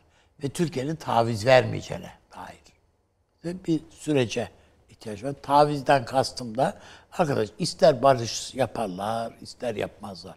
Hiç önemli değil. Ama Türkiye şu ana kadar Kıbrıs'taki kazanımlarından asla geri adım atmayacaktır. Bu kesin. Garantörlük biliyorsunuz barışın e, Güney Kıbrıs açısından barışın olmazsa olmaz şartı bu Türkiye'de Türkiye'nin oradaki askeri birliğinin Kıbrıs Türk Birliği'nin oradan çıkması idi. Bunun filan asla mümkün olmayacağını artık gördüler. Çok şükür. Dolayısıyla bizim yani bu önümüzdeki seçim Kıbrıs Türklüğü açısından fevkalade önemli tercihler bakımından. Avrupa Birliği uğruna bir şeyleri kaybetmekten yana mısınız, değil misiniz? Yani yoksa o milli kimliğinizi korumak. Ben bu tercihi Kıbrıs Türklüğü açısından gayet e, doğal olarak yapıla, yapılacakları düşünüyorum. Yani elbette farklı düşünceler var. Çünkü İra, İngiliz vatandaşlığı meselesi vardı orada. Senelerce yani. E, nitekim İngiltere'de bir e, Kıbrıs Türkleri lobisi var yani orada. Yani işte bu e, ünlü iş adamlarımız bilmem ne falan yani bütün o Kıbrıs vatandaşlığı üzerinden gittiler orada. Yani İngiliz vatandaşlığı üzerinden gittiler. Bu ihtimallerin artık son bulması lazım. Bu heveslerin. Yani girerse girer bir Allah çok şükür o anlam planı tuzağı e, düştü. Bizim sayemizde değil işte e, şey Rumların sayesinde o ortadan kalktı. ve o cendereden kurtulmuş olduk. Bundan sonra zaten Türkiye'nin yani yapabileceği son belki şeydi. E, istemediniz tamam bitti işte bizim için. Deyip o defteri kapatmak lazım. Türkiye Süleyman açısından. Hocam. Valla neyini soruyorsunuz Kıbrıs meselesini? Yani şimdi tabii Avni Bey dedi ya hani şu ismi konuşmayalım, bu isim konuşmayalım. Ben yine sondaki sözünü dinlemeyeceğim, konuşacağım da. Ee, bu Yani ta- hoşuma gitmiyor. Yani orada Türkiye yani bir cumhurbaşkanlığını şu anda görevini üstlenmiş bir insan.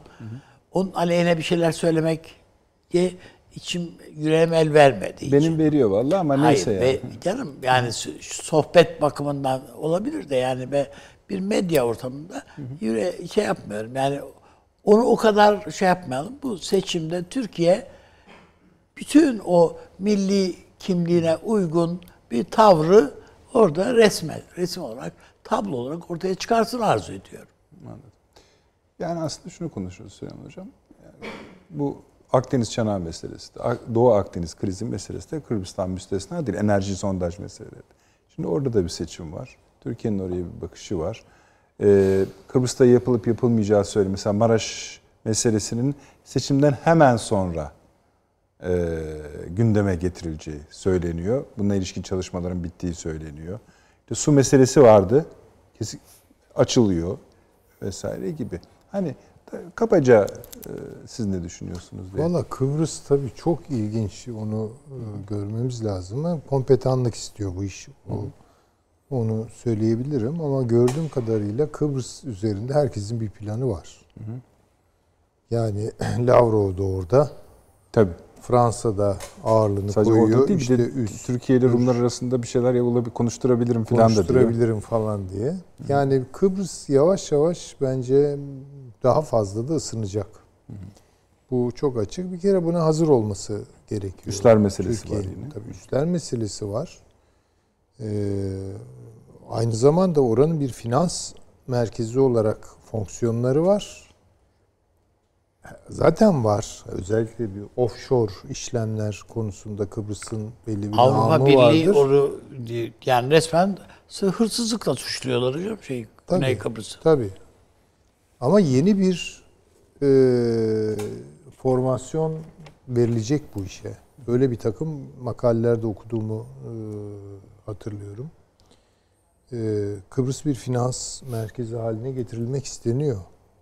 Çok daha bence yüksek bir kararlılık var bu konuda. Yüksek perdeden bir kararlılık var. Tabii akıbeti ne olacak adanın meselesi? Ee, orada Türkiye'nin e, oradaki e, varlığını e, mümkün mertebe sağlam alması gerekiyor yani bu açık. Yani işte buradaki bütün krizler devam ederken abi domino taşları gibi bu ana kadar sıkışan acaba her şeyi çözebilir miyiz? Ama hepsi de birbiriyle Tabii, alakalı işte onun yani. için dedik hangisini yani. hangisinden e, Hem avantaj hem de dezavantajlı oluşturabilir Tabii ki. belki diye. Yani daha Öyle. bütünlüklü bir siyaset. Dolayısıyla Türkiye'nin orada bir kere sağlam durması lazım. Kıbrıs Türklüğünün de sağlam durması lazım. Ya bunun kumara yatırılacak bir tarafı yok. Yok. Onu bir Yok. kere görelim. Ee, seçimin olgun bir şekilde yapılacağını temenni ediyorum, bekliyorum. Peki. Neticenin de e, hayırlı olmasını e, Temenni ediyoruz diyorsun. niyaz ediyoruz. Eyvallah. Allah kabul etsin. Peki. diyelim? Şimdi efendim tabii bu akşam bayağı bir konumuzu atlamak zorunda kaldık. Programımız yetişmedi. Yani pro- programdaki konular yetişmedi. Şimdi biz İsrail Akdeniz'e bakmak istiyorduk. Bu Türkiye-İran ilişkilerine bakmak yani Türkiye-İran ilişkilerinden kasıt yeni gelişme var. Ona bakmak istiyorduk. Birkaç kalem daha var. Onları ele almak istiyorduk. E bu akşam da böyle oldu. Ama şöyle bu Bob Woodward'un e, Woodward'un kitabından her saat başı yeni şeyler ortaya çıkıyor. Anlaşıldığı kadarıyla da seçime kadar bunu peyderpey anca bitirecekler kitabı. Kalınca da Ama bir- demek ki yani bu Amerika'da bir de kitaplar savaşı düellosu. Evet, çünkü çok satan bir Kaç şey ama- tane kitap çıktığına bir bakın. Yani yani Trump'ın yazıya kitap yazmayan akrabası kalmadı zaten. Evet doğru. Değil mi? Şimdi tabii e, fakat Woodward tabii bir de satış tarafı var bu işin. Ha, tabii, Milyonlarca o zaten satacaktır. Tamam çok satan bir adam. Şimdi Yani- bu yeni bilgi he. Bir şey Ee, söyledi Mustafa Hocam.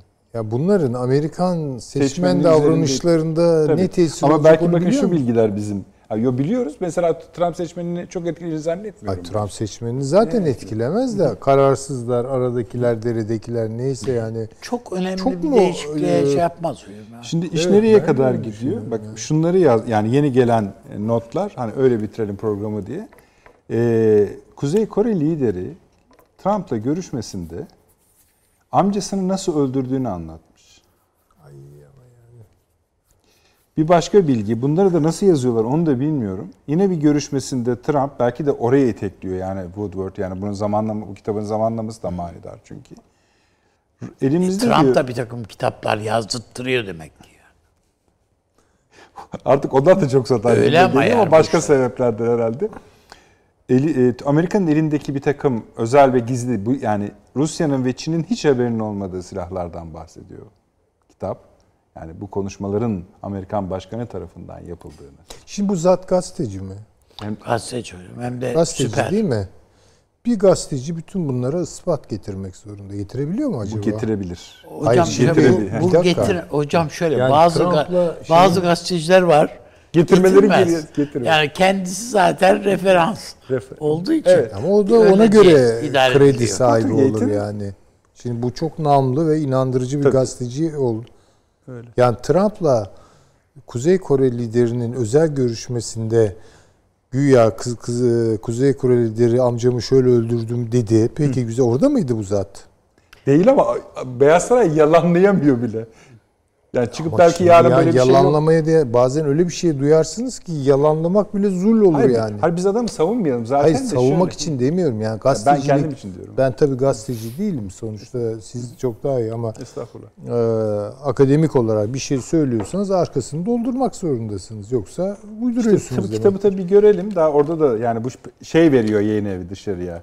Reklam mahiyetinde parçalar sızdırıyor. Ama bazı şeyler ispat kaldırmayacak şeyler yani ispatı olmayacak şeyler.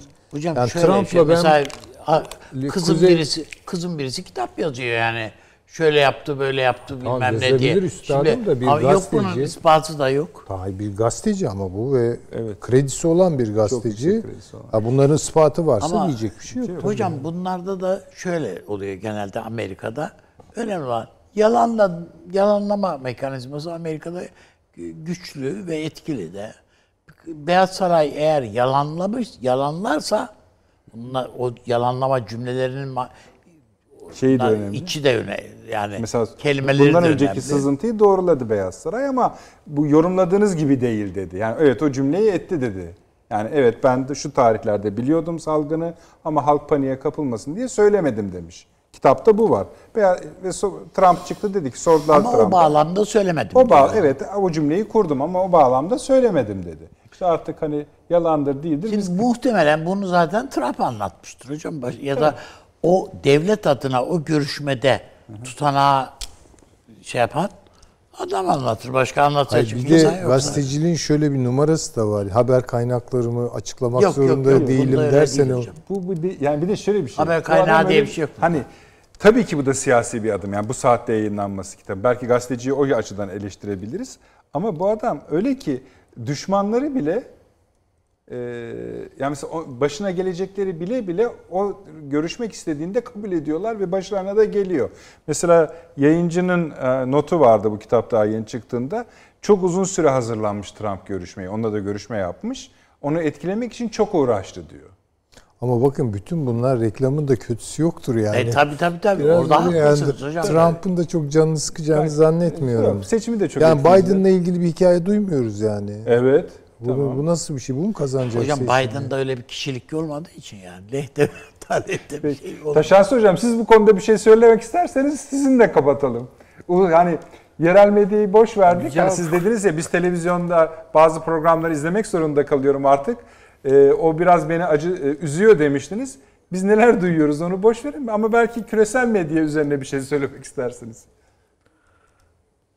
Valla ne diyeyim yani e, aslında kurtarsın teknoloji kullanımının çok yaygın olduğu hani klasik e, bizim bildiğimiz klasikten uzak olan bir ülke diyebiliriz ya Amerika'yı. E, ama zannediyorum gayet de klasik işler yapıyorlar. Yani ne bileyim internet Twitter trolü değil, kitap yazan troll falan. E, aslında birazcık bir kalite olduğunu gösterir bu Amerikan siyasetinde de. E, ta- tebrik etmek lazım. Yani kitap yazdırmak, kitap yazmak bunlar hiç kolay işler değil. Öyle 140 karakter tweet atmaktan daha eğlenceli, e, daha kaliteli bir iş diye düşünüyorum. E, Amerika süper güç olarak kendine yakışan kalitede bir seçim yapıyor e, diyelim o halde. E, zannediyorum hani en muzipçe cümle bu olacaktır. Çok teşekkür ediyoruz. Sağ olunuz. Efendim dedik eksiklerimizi kapatırız ama salı günü saat 21'de inşallah yeniden buluştuğumuzda belli ki bu eksiklerimizin üzerine yani konuşamadığımız konuların üzerine konuşacağımız bir seri belki bir düzine yakın konu çıkacaktır. Öyle oldu hep çünkü. Çok teşekkür ediyoruz sizlere. Çok sayıda yorumunuz geldi, paylaşımınız geldi. Eksik olmayınız. Katkınız geldi. Yine gece saat 02'de arkadaşlarım beni kulağımdan uyarmadığı sürece 02'yi tekrarlıyorum. Evet 02'de tekrarımız var. Yarın YouTube'da tamam var. Kaçırmış olabilirsiniz. Akşam saatlerinde konuyor. Ee, Avni abi çok teşekkür ediyorum. Süleyman Hocam eksik olmayınız. Bir haftayı daha bitirdik. Taşans Hocam Ankara'ya çok selamlar. Size de eksik olmayınızı yoruyoruz. Zahmet veriyoruz. Size de ayrıca teşekkür ediyorum. Ee, efendim iyi geceler.